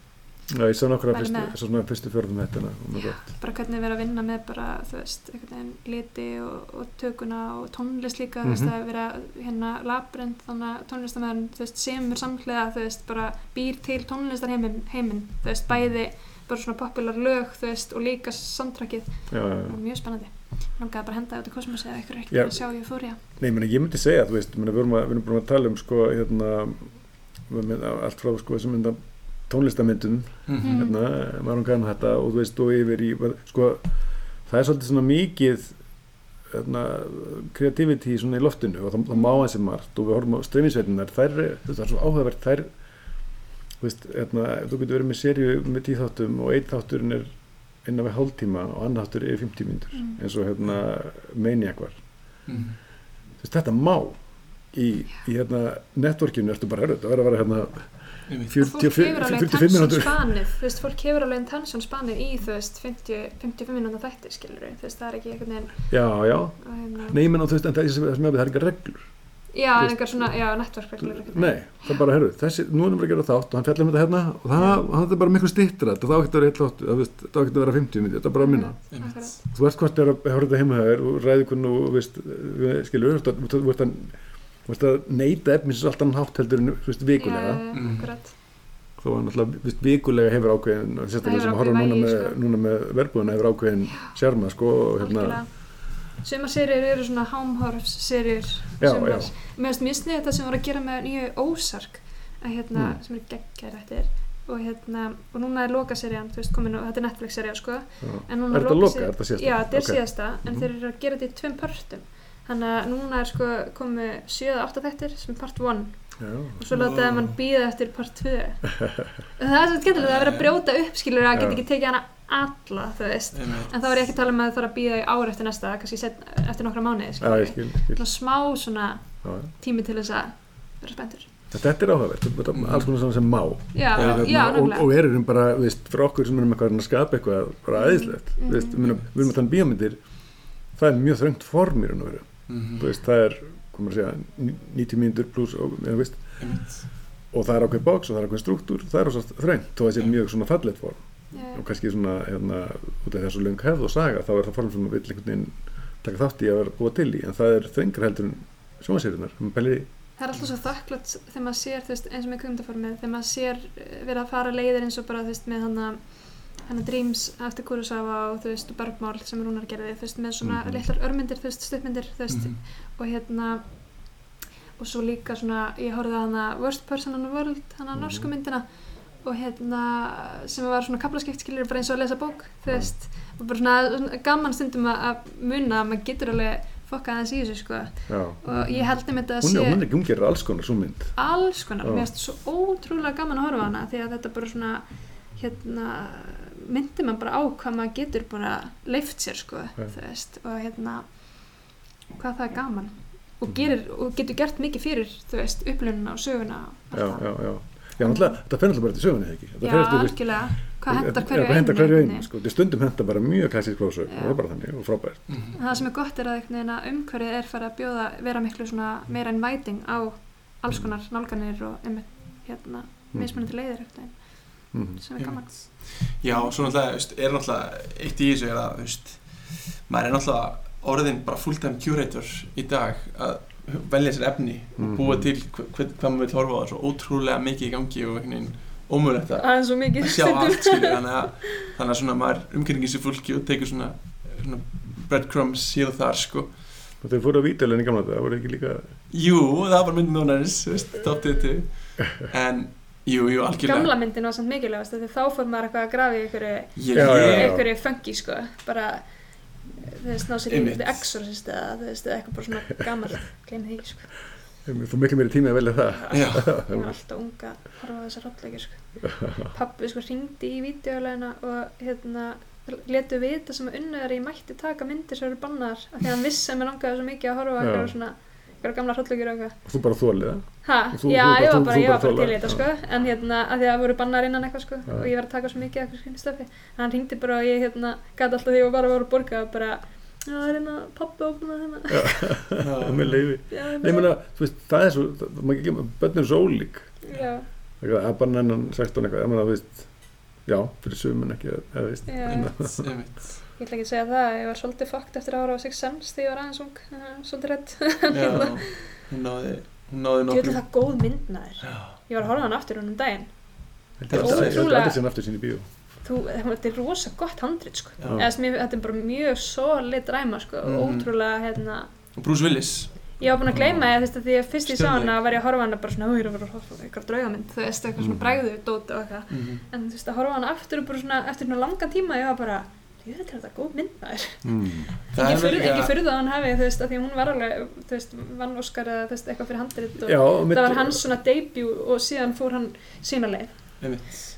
Hún er líka bara ég, sá hana líka frekar nýlega aftur og hún er bara ótrúlega vel konstruktið veist, hún er bara vel gerð Já, hún, og hann notar rosalega clever bara svona film language Mhm. í þessari mynd Algjörlega. bara svona opnunar hann að jib hérna skoti þegar hann liftist upp þá er hann í raun og að segja að hann sé döður skiljum bara Algjörlega. hlutum að fatta eftir veginn bara sem er klassiska skoti sem allir þekkja. Já, hann er döður það er skiljum POV bara já, þú veist, hann er frá til hérna. Og alls konar svona og þú veist bara eitthvað svona wi- þú veist, hérna langa tökur og svona, þú veist Mm. notar svona whip hands þú veist Mhm. þegar hann er að hérna setja þið inn í aðstæðnar þegar þú heyrir einhvern í eldhúsinu. Já, akkurat. Og Það er svo gaman að, sérstaklega með uh, horrorinn sko, þú veist það hefur verið svo gaman að horfa á eldri ræmur sko eins og tók svona Halloween áhorfa hérna, ég horfði á Halloween gumlu gumlu, þú veist Mm. núna ákvað að taka svona horror, horror þema um daginn. Og þetta var og ég gerði hana eitt follows líka, þú veist það er bara verið að svona skoða einmitt bara svona hérna að lifa í þessum, að lifa hérna horrornum svolítið að vera í að vera lengi eitthvað staðar sko. Mhm. og fá auga til þess að þú veist, taka eftir ykkur eða þú veist, eða Mhm. verða stressaðri eða þú veist, Ég eitthvað svona þetta er svo mikið power í Já, það byggir upp þetta sko. spennum og hún var rosa skemmtileg og svona- svona spes, eitt follows já, mjög Creepy. svo, og, Mhm, já, creepy sko. sko um, þarna, En við erum kannski líka Já. svolítið að fara þangað, þú veist, talandum eins og Chloe Sue, þú veist, Já. ég var ekki ekki til að sjá hryttismynd þetta er hana. heldur Já. betur Hvað myndi hún gera? Já. þú Veist? Heldur Hún er að fara að gera eitthvað allt annað heldur en, heldur en M. Night Shyamalan, já, Já, hérna, hendi út hana Jennifer Kent sem að hérna gerði Babadook og, og Já. hana Mhm. Nightingale Mhm. sem er mjög, ekki sé hana af- hérna já, það verður gaman ég vona að hún gerir ekkert með En náttúrulega þú- en þú, þú lítur að gera hryllismið eitt með þetta heldur betur hann. En það verður bara einhver svakaleg melodrama sem að bara Já. til að í búningi gerist í búningi, einhverjum horrorbúningi. og það að góða við hryllismynd er að það er, svona, það er, þetta, það er eina svona eila sjandra sem að þú getur verið með óþetta leikara samt mm. náða á toppi er nú að tala um í amerísku samingi sko. Já, algjörlega. Aðeins mjög einstaka gammynd kannski en það er samt fólk vill líka sko, það er eitthvað við horror sem að við, fær fólk til þess að vilja rosa mikið fara í bíó. Það vill Já, upplifa þetta, það vill upplifa þetta í þessum aðstæðum, einmitt það að vera í svona Slökkljós, slökkljós,inn já. og líka svona fara í gegnum eitthvað svona, eitthvað rússipanna með öðru fólki er alveg svolítið stemming sko. og veist, þannig að, það, þannig að kemur mér ekkert óvart að myndir sem að eru, þú veist, hróttleikur, þú veist, miskóða náttúrulega, eftir smekk, en, en þú veist, og hann A Quiet Place, þú veist, eins og við erum að nefna áðan, Mhm. þú veist, það kemur ekkert óvart Þetta að þessar myndir eru að hala en það eru svakalega miklu í kvikmyndósum, af því að, þú veist, þetta er bara einhver stemming, sko. Mm. Mhm. Hún ætlar rosalega líka grafið inn í hennan date-kultúr Já, að fara á, sem er rosa mikið þú veist, að fara í bíó er náttúrulega bara mm. klassiskasta date move algjörlega ever sko og fara á rollíkir náttúrulega mjög rómtist það er svona bíóaldurinn alltaf alltaf sagt sko. Mm. hún er, hún er þessum aldrei inn sko það færi, já, það hristir því að þetta er líka náttúrulega bara hristir upp í fólki ef við myndið þurfa bara við tökum hérna við að þannig með amerísku sammingi Mm. þið þurfið að þið þurfið að veist, pekka ykkur í eitt eh, box veist, hvaða bara það sem við núna gerir fullt af myndum núna bara en næstu, næstu, næstu 30 ár munum bara gera myndir í þessu sjandra, hvað myndið þið vilja? Bittersweet dramedy. Ég var, ég var að búa til nei, ég var að búa til ég var kannski að búa til svona bittersweet dramedy. Já, ég stendi það. Ok, hvernig getur maður sagt dramedy á íslensku? Svona dramedía. Ég, ekki? Komið því, veit það ekki. En, en bittersweet er samt er mikilvægt að hafa undan. Það er mikilvægt, mér finnst bittersweet alveg rosalega flott og fallegt orð. Ertu með eitthvað myndir sem þú hefur í huga þetta? E eitthvað veist, uh, já, hérna beginners, já, eftir hann hérna aha, hvað í fjandanum heitir hann aftur? Emmett, Mike Mills, já, er Mike já, Mills. já. Þetta það er mynd sem að rosalega svona, er margir sem veit ekki af sko, er rosalega, minnst hún svakalega fallega sko. Mhm. Hérna, Jú McGregor er ekki jú, myndin og hann Christopher Plum Plum já, Mhm, um, sem dæmi. Mhm. já, frábær. Og Lost in Translation myndi ég segja að veri pínu svo Mm. sko, hún var mikið svona áhrifavaldur þegar ég var úlingur mhm. einmitt. Þannig já, ég, I've made my choice. Bittersweet Dramedy. Hvað sé þú vilja, hvernig er þú Sko ég, hérna, fyrsta sem ég þetta er bara eitthvað svona psychological thriller, sko. Ég er einhvern veginn að, hérna, conversation, one hour photo, þú veist, hérna, eh, American Psycho, þú veist, að sjá svona bara human behavior einhvern veginn í algjörlega ekstrími og, þú veist, spila einhvern veginn með, þú veist, mhm. hvernig manneskinn er að upplifa það, sko. Ég, akkurat núna er ég rosa mikið þar, sko. Hitchcock hefðin svolítið Og Hitchcock hefðin, sko. Ég er um að horfa um daginn, þannig að á rúf, hérna, Hitchcock Truffaut, hérna, sástu það? ég var bent á að ég yrði að horfa það sko, ég er að fara var- að sorpina að horfa á þetta Þetta var bara eins og, bara masterskráða tvö, sko, að horfa á þessa mynd. Sko, það er líka til, sko, til upptökur af, hérna, þetta bó- þetta bók, hérna, Mm svo eru upptökur ég lusta að þekktum bara í eirónum hérna, og eitthvað heima að vaska upp og svona Ég, sko, ég, ég var fyrir rosa áhrifin mjög snemma að Hitchcock, sko. Já. Og bara, vístu, ef ennþann dag í dag er Window er bara svona einn eftirmyndasta Mhm. mm. kvikmynduöflun, bara ever. Mhm. ég með, ég, ég, ég með sama, ég, hún var hjá mér líka Já, og North by Northwest já, og hérna The Wrong Man Psycho líka, þetta er allt myndir sem var svona í æsku Já. það var einhver, ég er að reyna að muna titilega einhverju ekki eina af þessum stöst uh, mm. Vertigo. Nei, ég það var Hitchcock áfangi í kvimundafræðinu sko já, já, einhverja tvær risa Hitchcock bækur heima En það er bara svona, þetta er langur katalógur rosa kat- katalógur, sko. En hann er bara einhvern veginn ótrúlur. Hann er svona otherworldly, Mm. hérna, höfundur, sko. Og rosa, einhvern veginn, eldist, eldist, svo vel, já. finnst mér. Þessi myndir ennþá bara alveg, eins og það eru komið til gæð, sko. ég fór með börni mín sko að Northwest í bíó fyrir 20 ára þau eru bara eitthvað þá 7 og 9 eða eitthvað. Já. og elska hana. Bara, veist, það segir svona sögu. En þetta bara virkar. Þú veist, þetta er bara svona, þetta er svona, einmitt svona gott að fara tilbaka og muna, þú veist, hvað kveikmynda líka einhvern veginn svona gamla kveikmynda tungumálið, bara, þú veist, hvað er mikið til í því, sko, Já. þú veist, á margan hátt þá mann alltaf fylgir því ekki sem einhverju uppskrift, sko, en þú veist, bara mm að því að þú veist, það var, ég man þegar ég horfði á að geti, þú veist, og en ég man að, þú veist, hún bara virkaði ég var, ég var bara skýtt hrætt, sko, hann undir loki eða þú veist, Mhm. það bara, Einmitt.